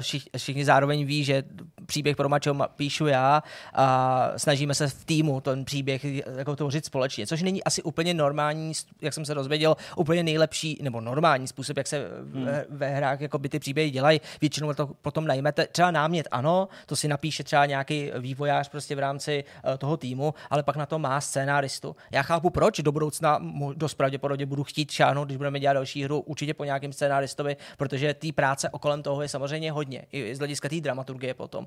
Ale na druhou stranu je mě tahle ta činnost jako fakt baví. Já si myslím, že tady vyprávíme příběh, který neaspiruje na to být, víš co, něčím jako uměleckým dílem. Je to prostě takový jako je to prostě superhrdinský příběh, trochu vykradená Marvelovka, když to vlastně vezmu zjednodušeně. Mm, ale, ale, klidně piš si, ale, ale, ale, ale důležitý je, že jsme do toho zahrnuli témata a vyprávíme tam různé vztahy mezi postavami, eh, který podle nás se kterými se třeba stotožní lidi a budou si říkat, ty kráso, to je hustý. Jakože, že, tam, že, jsme, do tý, že jsme to do té hry jakoby dali. A tím jako nemyslím ty témata asi, které vás napadnou jako první, uh, jako nevím, uh, co, co, to, co zažilo Hogwarts Legacy, nebo jako, ne, že jsou tady jako věci, kdy se můžeš jako vytyčovat jako vývojář a udělat velkou inkluzi. My samozřejmě s tím tím počítáme, máme tam nějaké věci, ale není to kolem čeho ten příběh jako je točený. To jsem chtěl jako říct. Hmm. Jo, že prostě to není uh, to hlavní, co, o čem mluvím. Super. No, já myslím, že jsme dokráčeli na konec povídání. No, protože dřív nebo později jsme s tebe začali tahat nějaký super tajný informace. Přesně, pokud, pokud, samozřejmě není něco, co třeba jako si ty sám přál uh, tady jako na konto vaší hry sdělit, nebo vašeho týmu, nebo uh, já nevím, jestli třeba prostě potřebujete někoho, kdo vám bude vařit kafe, nebo něco takového. Víš, nebo cokoliv, i když chápu, uh, takových věcí být nemusí moc. Ne, možná, možná by se hodilo říct, že vlastně uh, budeme připravovat takový skromný uh, startovač, budeme spouštět. Aha, no to je celkem zajímavá právě, informace. Právě právě na, na, na mačo český dubbing, protože my, uh, ta myšlenka je taková, že my samozřejmě finance na základní český dubbing, na tu příběhovou vrstvu, kterou mám napsanou, máme, ale chce, chtěli bychom si uh, polepšit s těmi, uh, s těmi vlastně herci, protože si myslíme, že jsme vybrali fakt kvalitní jakoby herce, který máme rádi a pokud se to lidem bude líbit, tak bychom chtěli dát možnost jako spolufinancovat ten dubbing, protože nám to pomůže zaplatit něco, co víme dopředu, že se dost pravděpodobně nezaplatí v Česku. To znamená, ten že dubbing je docela drahý. Takže... A ten dubbing by teda vzniknul bez bez ohledu na úspěch, neúspěch v tom v té kampani? Jistě, ale v té kampani budeme mít hezky popsaný, že vlastně pokud by se nám povedlo vybrat určitou no. částku, tak eh, nám to dovolí jednak být víc eh, pružnější s těmi herci, takže dost pravděpodobně z nich dostaneme lepší výsledek, ale za druhé dokážeme odvyprávět celý ten příběh. Myšleno i třeba vedlejší questy, který teď máme připravený a je hmm. můžu škrtnout, protože teoreticky nejsou potřeba, ale mohlo by to být docela fajn. A to jsou i nějaký věci, který máš naplánovaný pro stretch goaly, nebo můžeš naznačit, co by v těch stretch goalech potenciálně dál mohlo být, kdyby se ta částka navyšovala? Máme tam, máme Protože tam, normálně, jo. Mm, že hráči, teda výváři lákají na to, že rozšíří nějakým smyslem tu hru, ale rozšiřovat dubbing k existující hře, tam se vlastně, kam by to přibližně mohlo zamířit. Uh, jde asi o to si připr- jako představit, jak ten dubbing je koncipovaný. To znamená, když my si můžeme teď dovolit nadabovat šest hlavních postav eh, nějakými herci, kteří jsou, dejme tomu, slavnější, uznávaný velmi a věříme, že to pomůže té hře, eh, tak aby jsme si mohli dovolit třeba 20 takových herců mm-hmm. na všechny i vedlejší role, to by bylo cool ale to my víme, že nedokážeme, jako teďkon. Ale uh, dost pravděpodobně by to bylo dobré, kdyby nám s tím lidi pomohli. Takže taková jako myšlenka. Uh, to, co je kontroverzní na tom celém, je, že vlastně v rámci toho startovače si nepůjde dát koupit hru. To znamená, eh, ty, je to vyloženě podpora českého dubbingu, je to inspirace právě tím Kingdom Come českým dubbingem, kde jsme viděli, že ta hra taky se tam nedala koupit, ale pointa byla, že podporují ten český dubbing a myslím si, že to je taková hezká věc, když se do toho ty hráči jakoby zapíšou. My samozřejmě za to na oplátku připravujeme hezké odměny, které jsou vesměs digitální, takže my mhm. chceme použít maximum částky právě na, to, na ty herce, aby se zaplatilo uh, to barandovské studio a se vším všudy prostě, co potřebujeme. Já vůbec nechci jako teď být jako nějaký jako rejpavý kritik, ale Buď. Uh, dubbing do Kingdom Come vznikal nikoli v režii Warhorse, ale ano. v režii prostě skupiny fanoušků, řekněme, prostě uh, Artur Komňacký a Marek Pilger a tak dál. Uh, tak tam bych chápal, že si nemůžeš v tom startovači koupit tu hru. Navíc ten dubbing vznikal pro hru, která je, jasně. už tady dlouho, ale vy jste vývojáři té hry a vy jako, a teď vůbec nehodnotím, jestli je legitimní nebo není vybírat na dubbing. Já jako chápu ty tvoje argumenty, prostě může být lepší víc herců, víc času s těma hercema, protože jim může dát větší honorář, tím pádem nemusí jak spěchat. To, to jako všechno chápu, ale fakt tam nebude ta hra? To je přece takový zvláštní. Nebude, ne? no. Ne, takhle, to já bych jako víš, tam viděl, ne, Vysvět, vysvětlujeme ne, to, ne, jako tu hlavní, jo, jo, jo. jako prostě... A nebo že si můžeš koupit jenom ten dubbing, když na něj přispěš, tak dostaneš ten dubbing prostě... a zbytek ne. prostě takový jako němej film. Jsou tam, jsou tam vlastně ty digitální odměny, jsou tam eh, odměny, že třeba i, i, eh, někdo se může stát NPCčkem právě, namluvit si s náma nějaké hlasy, hmm. že ho potom se můžou jako vidět v té hře. Je tam samozřejmě v titulkách poděkování, je tam v rámci produkce, jsou tam různě oddělený jakoby ty vrstvy toho. Takže ta, ta, ta, ta přidaná hodnota pro toho člověka, který nám pomůže, by tam měla nějaká být. Samozřejmě on dostane ještě nějaké odměny, uh, dost pravděpodobně to, že tam není ta hra, jsou, jsou tady dvě jako dvě, dva hlavní důvody, proč hmm. ne. A první důvod je, že prostě vidíme, co se děje eh, na startovačích a Kickstarterech právě s těma titulama. Tohle nesmí být předobjednávka té hry, protože my máme nějaké závazky, nejen k Jánovi, ale potom případně dalším partnerům. My potřebujeme co nejvíce prodejů na day one, Chápu. případně Jasně. V, v tom, dlo, tom dlouhodobém období. A samozřejmě ten startovač je dělaný ne tím greedy způsobem, že nutně, když to nevybereme, tak ten český dubbing prostě nebude, jenom prostě bude v omezené míře. My to tam, my, my to tam jako jasně udáváme a je to kontroverzní rozhodnutí, není to úplně něco, s čím víme, že ty lidi to bude asi úplně um, jako lákat, ale jde o to, že když my bychom započítali tu cenu hry, a ještě teda tu podporu pro ten dubbing. Chápeš, že hrozně blbě se ti potom najednou umořují ty čísla. Kolik procent z toho musíš odezdat právě zpátky do té investice? Kolik můžeš použít na, na co? Jasně. Takže my, když to vyhraníme, tohle je prostě startovač pro český dubbing, je to náročná věc, chceme to udělat mega kvalitně, pokud, to chcete, jako pokud toho chcete být součástí, pokud nám chcete pomoct, tady máte možnost. Pokud ne, a my to nevybereme, to znamená, máme tam ten, ten, tu část, že to nevybereme, český dubbing bude, jenom prostě jsme to nevybrali. Tak, tak samozřejmě přijmeme tu kritiku i takovou, že tak jsme se, tak jsme se úplně posrali. No. jako prostě asi jsme to neodhadli dobře, uvidíme. No, to na druhou stranu, jestli... To nehrozí, to, to nějaké jako k tomu nechtěl jako, No ne, ale tak, tak ten vlastně strach máme. Jo, to jako- vysvětlení, který si poskytnul, je vlastně jako v pohodě a pak už je prostě na každém z vás, jestli to podpoří či ne. Ale tak to byla hezká vsuvka na závěr. Teda jako, no, tak jestli, jestli, je něco, co bys ještě nám mohl říct. Ex, tak, exkluzivní mnohdy, teaser. Přesně, mnohdy to skončí tím, že jako ani ne a teď jsme se dozvěděli ještě spoustu spoustu věcí navíc. Filipe, moc díky za tvůj čas. Vím, že uh, ho nemáš moc, bych řekl. moc děkuji za pozvání. Jasně. Uh, taky ještě tam staly nějaké komplikace. Filip tady měl být už prostě, když jsme tady nebyli, to jsem to pokazil já. Ale uh, v pořádku, každopádně Filipe, moc díky, jsi dorazil. Pozdravuj uh, kluky a holky z Filosoftu Indiana a, a, a dalších Media tvých, uh, Media samozřejmě. Určitě. Subjektů. Filosoftu. Uh, Filosoftu, to jsem snad řekl, myslím. A, a Media Realms. A taky Indiana. A Indiana. To, a Netflix. Přesně. Jo, a Netflix a vlastně taky, taky jo. dobrý. A můžeš jako úplně. A, a Indian krátce. Taky uh, pozdravuji tvýho bráchu. Já jsem vůbec netušil, že máš bráchu, který Aha. prostě vypadá... Ne, ne, ne, ne, promiň. On, on nevypadá úplně jako ty, ale on mluví úplně jako ty. Aha. On, Asi se vy inspiruje. mluvíte úplně stejně, to je úplně fantastický. tak to je jako. skvělý. Takže, uh, takže tak, a to je asi všechno, ne? Z těch díků a, a, a zdraví. No, tím jsme úplně na Všechno jsme vyčerpali. se vyčerpali. Filipe, moc díky, doufám, že se brzo uvidíme třeba u hraní mača nebo nějakých jiných věcí. A, uh, u České hry roku, ne? U České hry roku, přesně, v květnu, že? No, jasně v květnu, tak jasný. Pohodička. tak zlomte vás. tak jo, zlomte vás a my jdeme na další část tohohle vidcastu. Ahoj. Rozhovor máme za sebou. U nás tady, vzhledem k tomu, že ten rozhovor je přetočený, tak neuběhlo ani několik desítek sekund. A protože Jirka teďka mluvil hodně dlouho, 20 minut, tak myšmaš, do kterého vstupujeme, začneme tady u Honzy.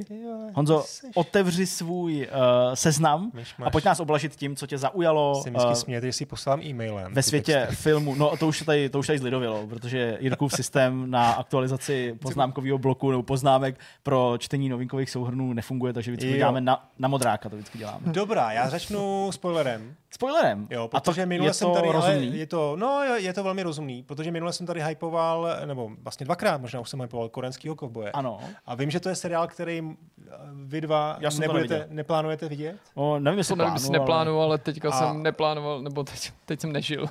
Takže Jo, jo, jsem jako... A vlastně spousta diváků určitě prostě je to jako náročný seriál, kde prostě když tě nechytne ten vizuální styl, tak eh, prostě asi to není ku koukání. Takže mi přijde škoda jednu věc nezmínit a nechám teda prst tady takhle Dobře, ruku ale a pak dokud, teda- to, dokud mám nahoře, tak budu mluvit o spoileru. Dobře, a pak jo. ale musíme... pak ji dáme dolů. A nesmí, bude nesmí to Nesmí Luboš trailer, prosím vás, jo, aby bylo vidět, jak odmávneš. Totiž už začíná spoiler. A není lepší pak prostě mávnout, než celou dobu mít ruku, já nevím, jako.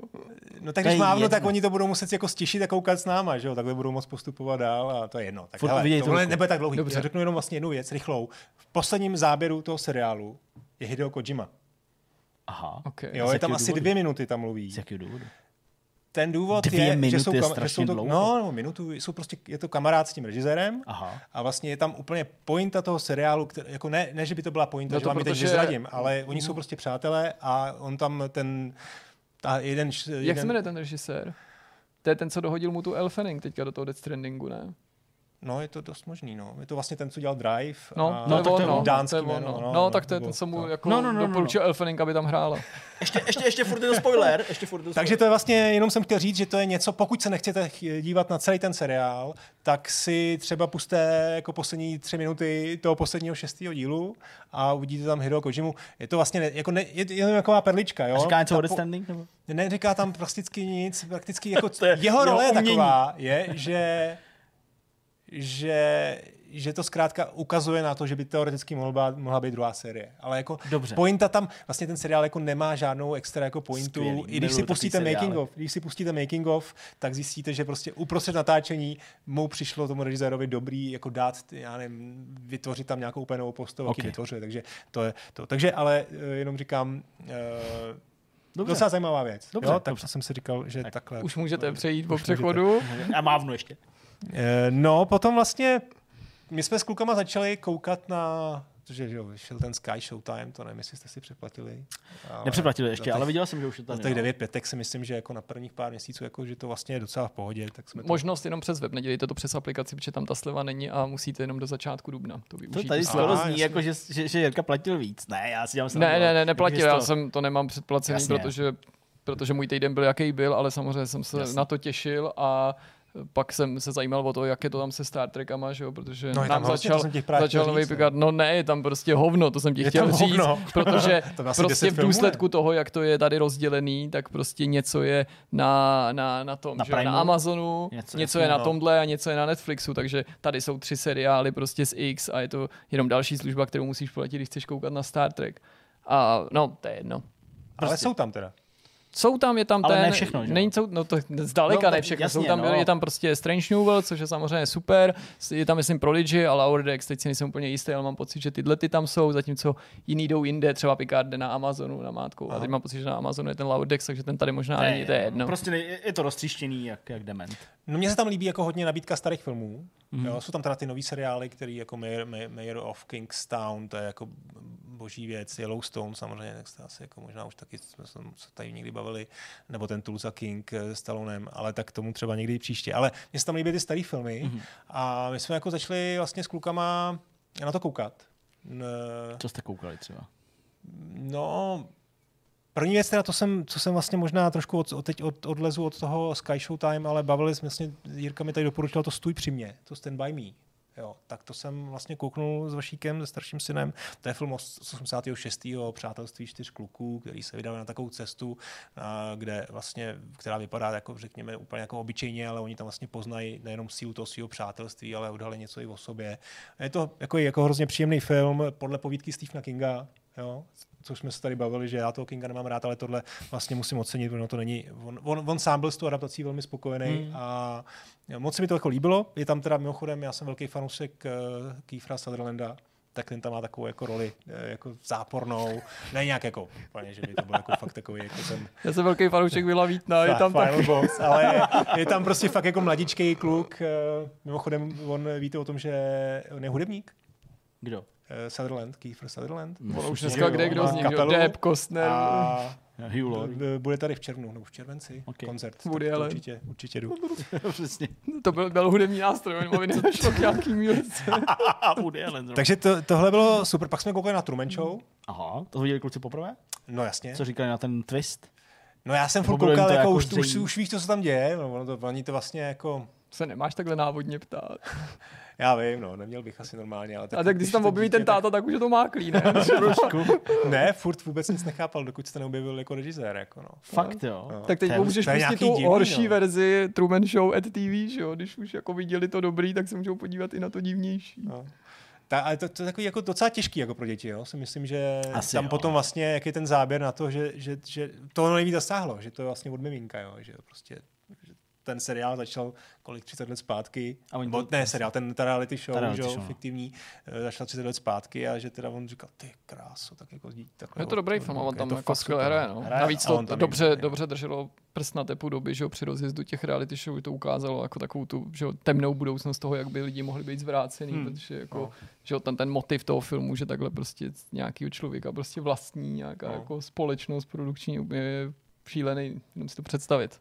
A je to vlastně um, super koukat zase, to, to, to, samé u toho Sheldona, jo? když jsme na to koukali, tak mě vlastně na tom nejvíc baví ne koukat na ten vlastní seriál s nima, ale pozorovat je, jak chápou ty fóry, ať už ty, ty řekněme ty prvoplánovitý, a nebo hlavně ty ironický, takový ty skrytý, jo? kdy prostě to, to je něco, co se v nás utváří, že jo, celý, jako celý dětství a až do dospělosti, že fakt jako ironii chápat možná spousta lidí dospělých s tím má problém, jo. A teď jako, když vidím, jak se tomu zasněl, tak mám z toho prostě radost, jo. Jako ten prostě fork nevyřčený, no. Ještě To je navíc toho Sheldona, tam ten smích vlastně, ne, tam ten smích vlastně není, že jo. Ale Není, tak jo. eh, Naštěstí. naštěstí. Díky takže tak. bohu. No a rozkoukali jsme policajta ze školky, No, to jste... se Švacikem, Jasně. což teda začalo docela drsně, tam jako ten pr- tak prvních jako 10 minut prostě je to takový jako akční film, a, ale A pak je taky, to vtipný. a pak je to teda jako vtipný a taky, taky dobrý. No. Takže teď vybírám tady ty věci, tam mám prostě vybraných jako návrat do budoucnosti, že jo, jako, No no jo, který to mimochodem teda zase v tom, na, oni tam mají jako nějaký, nějaký problémy na tom Sky Showtime, že tam je jednička a trojka. No a to, to bylo na to je Netflixu to spou- stejný, že tam prostě jako, jak- taky přesně, tam dvojka, že tam nebyla, nebo tak něco No. takového, že byla jedna, tři, nebo něco Je to tak. A já jsem to někdy chtěl pouštět, já třeba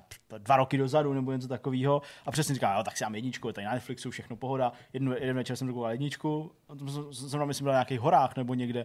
A pak jsem se chtěl jako druhý večer prostě dvojku, a říkám, ty tady není, kde to jako je, kde to jako najdu. Jsem to hledal, jak blázen, nenašel jsem to nic, jo, prostě. A jenom trojka, říkám, já nechci trojku, já chci dvojku. Trojku nikdo nechce. podle No právě. No, tak to je, tak to je zvláštní. Takže na to, to, to jako máme na to už jsem narazil, no, že Eh, takovýhle problém. Tak jako si myslím fakt, když člověk doporučíte nějaký jako dobrý filmy, i třeba jsem přemýšlel samozřejmě už o Terminátorovi a takovýchhle věcech, trošku jako fakt šlápnout na plyn, když ten mladší sedmletý Matěj, to ještě bude jako problém.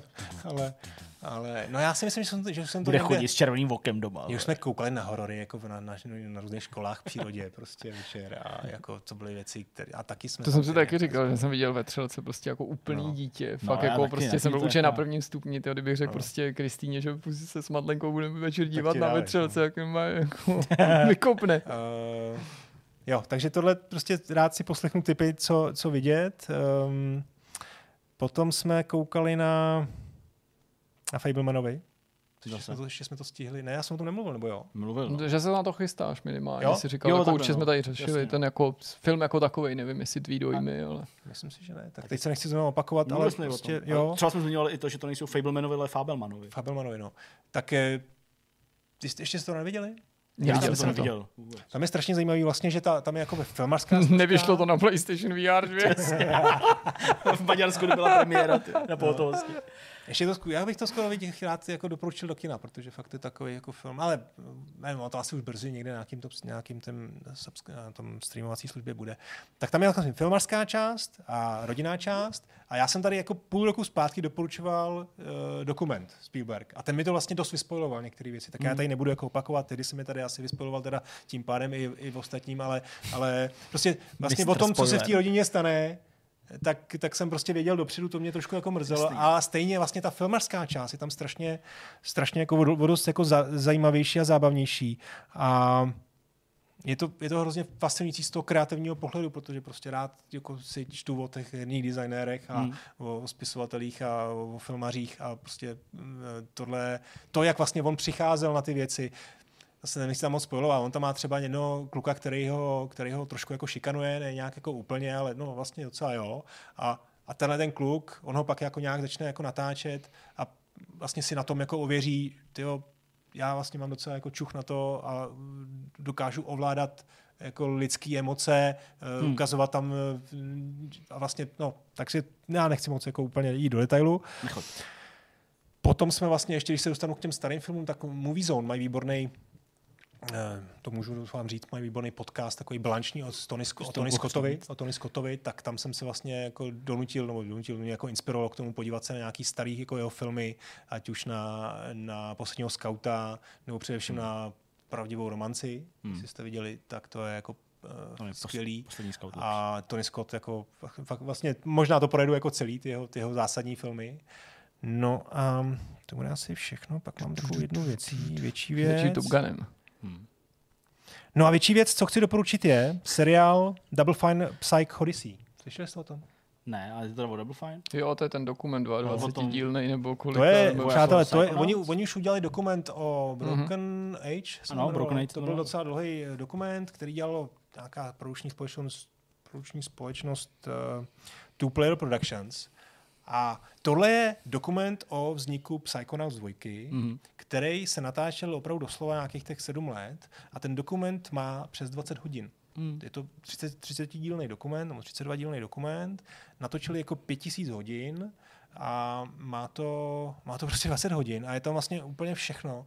A já teda jsem fakt jako asi zatím nějakou třetího nebo čtvrtého dílu, takže prostě doufám, že, tomu, že to fakt dokoukám, nebo určitě to dokoukám. Tím chci, práce, mám v plánu tomu věnovat prostě nějaký jako speciální jako vidka. Epizoda 5, jak jsem vařil kafe.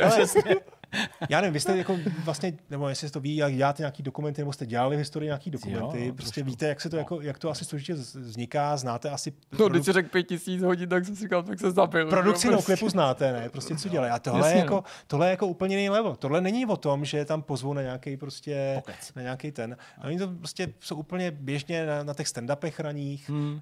a jsou tam běžně na takových těch, takových těch debatách, jo, jak někde se potkají prostě v kuchyňce hmm. u nějaký klíčové věci, co prostě nemohlo vzniknout tak, je to autentický, to znamená, no. to nemohlo vzniknout tak, hele, přijďte, tam prostě byli, pro ně tam prostě byli, já nevím, jestli, já vlastně o těch, eh, o té průční společnosti nic nevím, já si myslím, že buď to tam prostě fakt jim to zaplatilo, ten, ten Double Fine, anebo tam prostě dělali no, jako level designéry nebo grafiky a k tomu jako něco natáčeli. Podle mě musí hele, tam jsou na tom raním stand-upu, no. který je úplně, to není jako takový ten úvodní, teď začíná vyvíjet, tam je prostě úplně obyčejný nějaký pondělní Jasně. raní no. jako meeting a tam jsou tři kamery.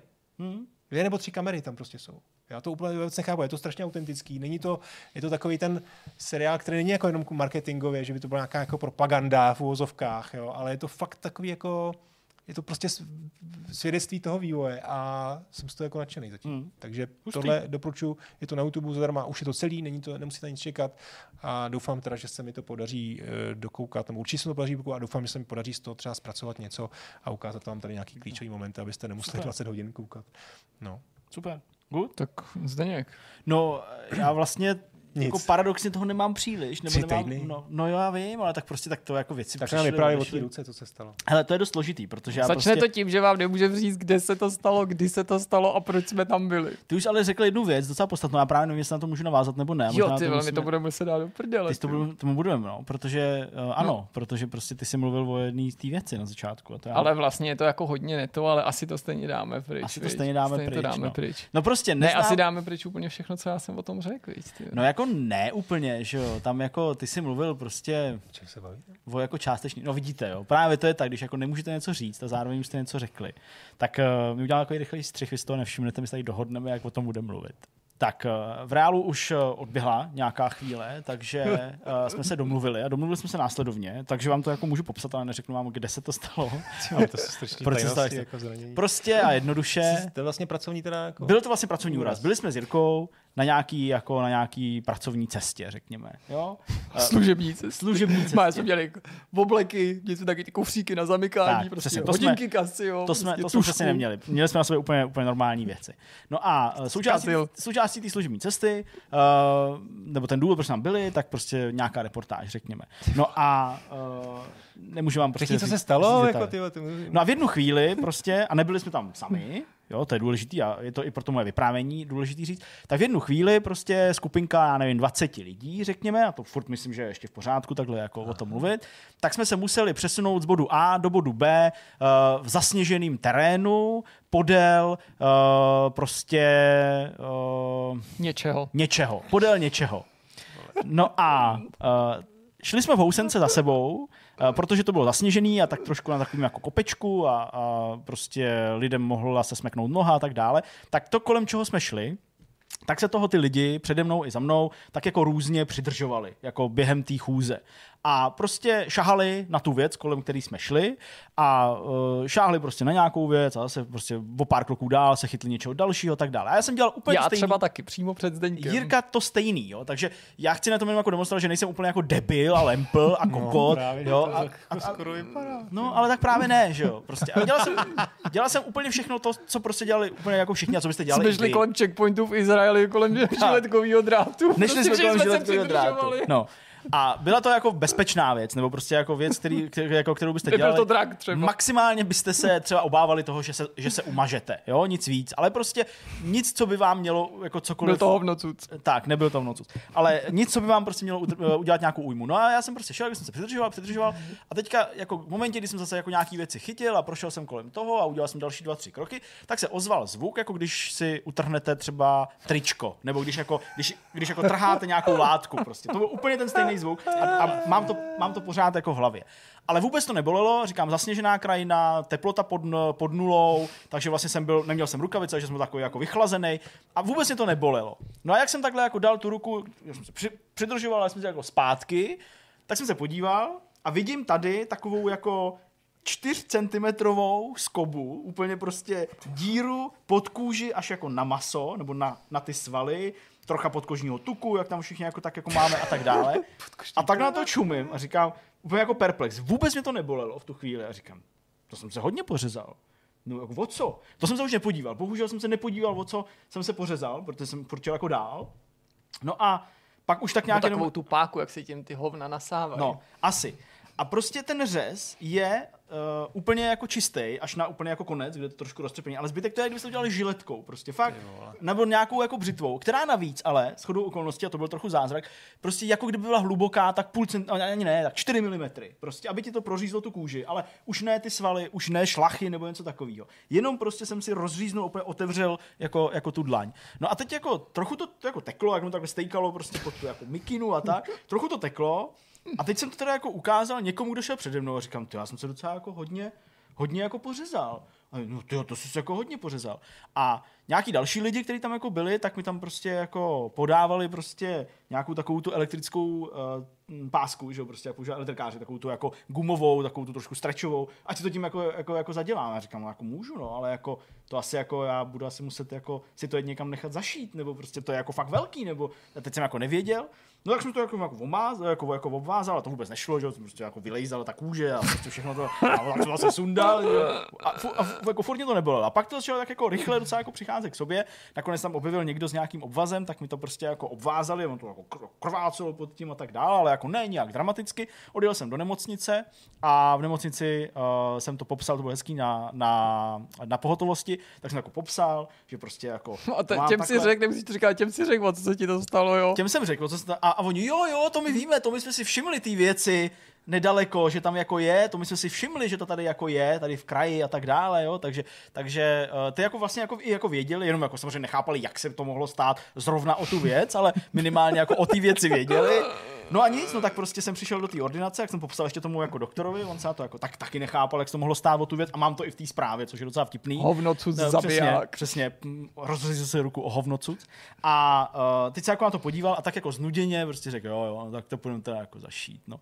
Tak jsme šli, uh, tak jsme šli na ten sál, co tam mají, jsme jako zašít, to bylo vtipný, protože ten doktor uh, prostě takovým monotónním hlasem, on nebyl příliš jako starý, to byl člověk tak kolem 40 let, tak uh, prostě takovým monotónním hlasem tam prostě jako mluvil s dvouma sestrama a vždycky během toho povídání, o, o čem nevím, o, o, o nějaký sestře jedný, jako myslím, sestře jedný z těch sester, tak to jako jo, nějakou jako rodinu, tak uh, prostě úplně nezměněným tónem, stejnou dikcí, jo, mě vždycky něco řekl, já jsem chvilku přemýšlel, jestli to bylo na mě, nebo jestli to bylo na tu sestru, tak jsem mu jako, tak jako odpověděl, tak mi to opíchnul, což byla paradoxně asi ta největší, no, největší bolest asi byla ta, že mi to pak vyčistili samozřejmě nějakou dezinfekci, jak to, jak to hmm. štípalo. Pak už to nebylo, pak to prostě opíchlo ze třech stran, úplně to bylo mrtvý během sekundy. Hmm.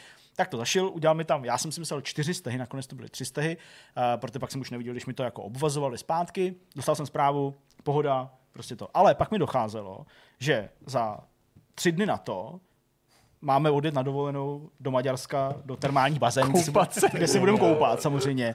Na co se těšilo dítě, že, že prostě a my jsme se těšili, že budeme s dítětem ve vodě a že tam prostě s ní budeme řádit, protože to má ráda. Tak tak byla první věc, která mě jako vadila. Eh, ještě předtím jsem si uvědomil, že mi to vadí v tom, že nemůžu moc psát, protože jednak mi to jako tak tepalo tou bolestí, že pak když to přicházelo k sobě, uh, ten, ten, ten pohyb těma prstama byl takový jako omezený, tak to mě vlastně trochu bolelo, takže mě vlastně jako bolelo psát, nemohl jsem jako vykonávat svoje zaměstnání. Uh, pak mě taky čekala ta cesta na to Maďarsko, že autem, jo, to je prostě nějakých, já nevím, pět a půl hodiny, šest hodin, něco takového, být po dálnici. Uh, takže to jsem taky říkal, no to teda to zvládnu, ale štěstí, neštěstí, naše auto má nějak asi špatný ložisko, takže prostě bylo v opravně, takže jsme dostali půjčený auto od Chána, který má automatickou převodovku, takže jsem nemusel řadit, takže to bylo jako vlastně jako v pohodě. Uh, taky jsem ještě měl o víkendu hrát takový veteránský turnaj prostě s mým bývalým florbalovým klubem, to jsem si taky nezahrál, takže jsem do těch domažlic jel se jenom tak jako podívat jo, na ty kluky, abych je tam pozdravil, ale nehrál jsem, těšil jsem se na to, jak po letech budu hrát florbal. Prostě sešel se to strašně jako za sebou, hrozný věcí. No a pak v tom Maďarsku, nevím, jestli nějaký jako zánět se mi do toho stal, nebo nevím, takže jsem měl horečku, no prostě hrozný, ale teď už je to v pohodě. A ještě vlastně mezi tím, pardon, ještě než jsme odjeli do toho Maďarska, já jsem měl v té zprávě, že máme do nemocnice se to nechat převázat. Jenomže prostě jako vinou těch okolností, to, že to bylo jako, se to stalo ve čtvrtek, v pátek jsem byl ještě dlouho v práci, v sobotu jsem musel jet uh, do těch, uh, do těch domažlic, pak prostě se chystat, že jo, odjíždět do toho Maďarska, tak já jsem nemohl jít v pondělí na normální chirurgii si to nechat převázat, abych neotravoval prostě na pohotovosti, to chápu, a musel jsem jít prostě na pohotovost. Takže já v ten pátek, eh, pardon, v tu sobotu, když jsem přijel z těch domaždic, já nevím, do Plzně asi ve tři odpoledne, tak jsem tam pak byl prostě asi do devíti do večera, protože na té pohotovosti v Plzni, na Lochotině, mi samozřejmě řekli to, co jsem jako věděl, že nejsem prioritní jako pacient. Je nějaký převaz, my jsme tady úrazová pohotovost, my tady nepřevazujeme, jo, my vám to uděláme a to si sednete a budete tam čekat dlouho. Já říkám, no to já to vím, ale já nemám jinou možnost, já jdu do zahraničí, to já to nebudu nechávat dělat v pondělí někde v Maďarsku, že jo, tak prostě uděláme jako tady. Kdybych to já byl býval věděl. Tak bys si to v Maďarsku poctivý. udělal. Ne, bych to udělal doma sám. Protože já jsem jako, já jsem nevěděl, jaká ta rána je. Nevěděl jsem jako, jo, co mi s tím budou dělat. Jako jasně, volal jsem tátovi, táta říká, hele, radši tam jako dojdi, jo, prostě a tak dále. Markéta už nebyla doma, ty čekali v Praze. Co je za táto, aby ti to udělal? Jako do Rychnova, to by možná vyšlo stejně, jako časově, kdybych jel až do Rychnova a zpátky, nebo do Hradce a zpátky. A uh, prostě jsem tam seděl strašně dlouho, fakt úplně jako neskutečně dlouho. Ale přesně jsem byl už v takovém tom stavu, jako že tak já už jdu pryč a prostě to nějak udělám doma, koupím si nějakou náplast takovouhle, jo, prostě oblepím si to a v pohodě a, a prostě prdím na to. No, ale, když ale už tak dlouho to, čekal. Ale už, to, už čekám fakt dlouho, jako, jo. Teď už, už to musí Už možná zavolaj, no, zavolal mě fakt strašně pozdě. Teď jsem jako přišel, teď ta sestra, já jsem jako řekl, co se mi jako stalo a ona, tady úrazová pohotovost, my tady neděláme převazy. Ten doktor, no my tady neděláme převazy. A říkám, no já vím, ale tak to stejně mi řekla ta paní na přepážce číslo 8, když mě jako rozstřídila, aby jsem šel sem tady čekat. No už jste to vyčekal, tak my vám to teda jako uděláme. A během toho, co mi to říkal, že my to uděláme, tak ta sestra mi takhle sundala ten obvaz, mu rozstřídala ten obvaz. To, to, to celý trvalo tak 15 sekund, nalepila mi tam tuhle náplast. Máte to hotový? A říkám, no jo, je to hotový všichni jako, jako výtlem. Tak si počkejte na zprávu. Ve zprávě přišel na převaz, dostal převaz. Jo, prostě nic, hmm. jo, prostě úplně... No, tak ale když jako, nevíš, až ty jsi právě, tak pod jako právě, tlakem toho času, právě. tak to jako Takže jako to jsem úplně... spousta tak, lidí, přesně, prostě. že tam jako byl prostě, no, bylo to, bylo to jako Kdyby si tam, ne, nedej bože, něco měl, že jo, tak by zase prostě ti každý říkal, no, si dělá chytrýho převáze, si to sám, dostal si tam infekce, vole, Přesně, měl si zdojít na pohotovost. Takže jako jo, vyčekal jsem si to, ale uh, jako k ničemu, no pak ještě se to navíc nějak jako sebral. A teď už je to dobrý a teď mám mít na vytahování stehů, pondělí nebo v úterý, nebo ve středu, nebo prostě nějak 10. až 12. den, tak to taky musíme si někde jako jít vyčekat. Nevím, jestli tady, nebo jako v Plzni, nebo jako kde. Vlastně. Se tady uděláme, Tyrko? Můžeme, no jasně, nůžky. A to má na streamu. No a jinak jako, co se týče prostě dovolený, tak tam byla samozřejmě tím jako ovlivněná, takže jako do určitý míry vlastně to moc nebyla dovolená, ale vlastně jako jo. Tvý výkony na tenisovém turnaji byly takový slabší. Výkony na tenisovém turnaji nebyly vůbec žádný, ani jsem vlastně nemohl moc hrát, protože mě vlastně jako pohyb toho palce na tom jako analogu vlastně docela, jako vlastně ještě teď by mě to asi bolelo nebo bolí, takže to jako no, nic no, moc to. No, bolí to. A vlastně vzhledem k tomu, že jako jsme se starali hodně o Leu a to byla hodně jako náročná, tak jsme s ní vlastně i chodili jako spát, vlastně relativně brzo, třeba v 9 už, takže já jsem jako lehnul do postele, chvilku jsem něco dělal, trochu jsem sázel, trochu jsem se koukal na nějaký filmy, ale spíš jako starý nebo nic toho, čekávám prostě Drive to Survive, koukal jsem trochu, co se děje kolem formulí a tak, ale vlastně jsem skoro nebyl na, na mobilu nebo jako na internetu, tak vlastně to nebyl jako taková ta dovolená, jako že prostě někde sedíte a jako každou chvíli děláte nějakou zajímavou jako činnost, jo, ale užil jsem si třeba jídlo, to bylo fajn, protože jsme měli jako all inclusive a bylo to, ne, ne, ne, on to prostě nějaký jako, jako hotel, já Radisson to je nějaký a prostě all inclusive, takže vlastně to byla taková ta dovolená, kde jako jenom jíš, jo, že jako, jako no, dojíš, doj, dojíš, tu, dojíš tu snídani a už vlastně je skoro oběd a, a pak je skoro večeře a mezi tím to dítě. Oslavili jsme tam narozeniny, i já, i Lea, že tam má 13. mám 15.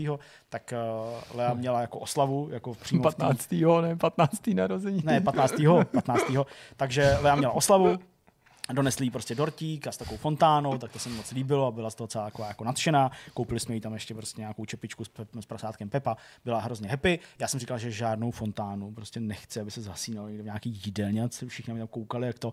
Tak uh, nakonec mi prostě hotelová služba donesla uh, dort na pokoj to bylo zajímavý, donesli mi prostě na talíři, mi donesli prostě dort na pokoj, jakože pozornost toho hotelu, tak to bylo jako pěkný, tak jsem dostal dort a to je jako v zásadě všechno. Podívali jsme se do Bratislavy cestou, moc hezký, taky prostě prošli jsme se kolem, kolem Dunaje, jo, bylo to jako fakt jako pěkný, hezká zastávka tam byla, dali jsme tam nějaký rámen prostě a podívali jsme se do Eurové a další. A tradiční slovenský rámen si vzal. s brinzou, s haluškama. No, takže jako, jako bylo, to, bylo to fajn, ale vlastně jako nebylo to takový, jako že bych úplně někde jako měl kopita nahoru. Samozřejmě to z ní nepatřičně, vzhledem k tomu, že tady prostě Jirka dělal VR a byl tady na to sám. Já jsem se snažil aspoň trochu něco malinko v závěru týdne pomoct, tak aby na to tady nebyl úplně sám, když to bylo úplně jako mizivý ta pomoc. A, a to je jako, jako fakt skoro všechno. Jako vlastně nebylo tam nic, co bych jako mohl tady dál vyprávět. Tohle bylo to nejzajímavější a přesto vám o tom nemůžu říct všechno. Hmm.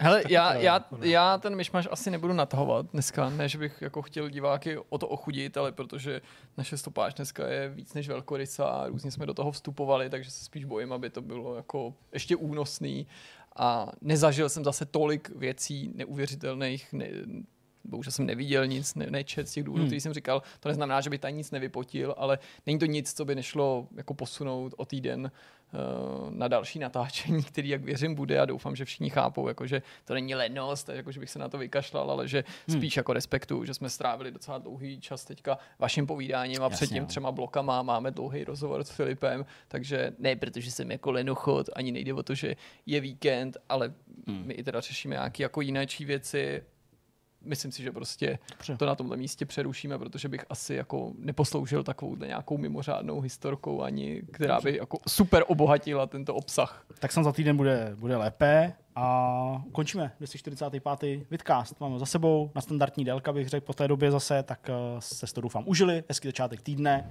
a brzy u Vidcastu. Na viděnou. Mějte se moc hezky. Ahoj. Ahoj. Ahoj.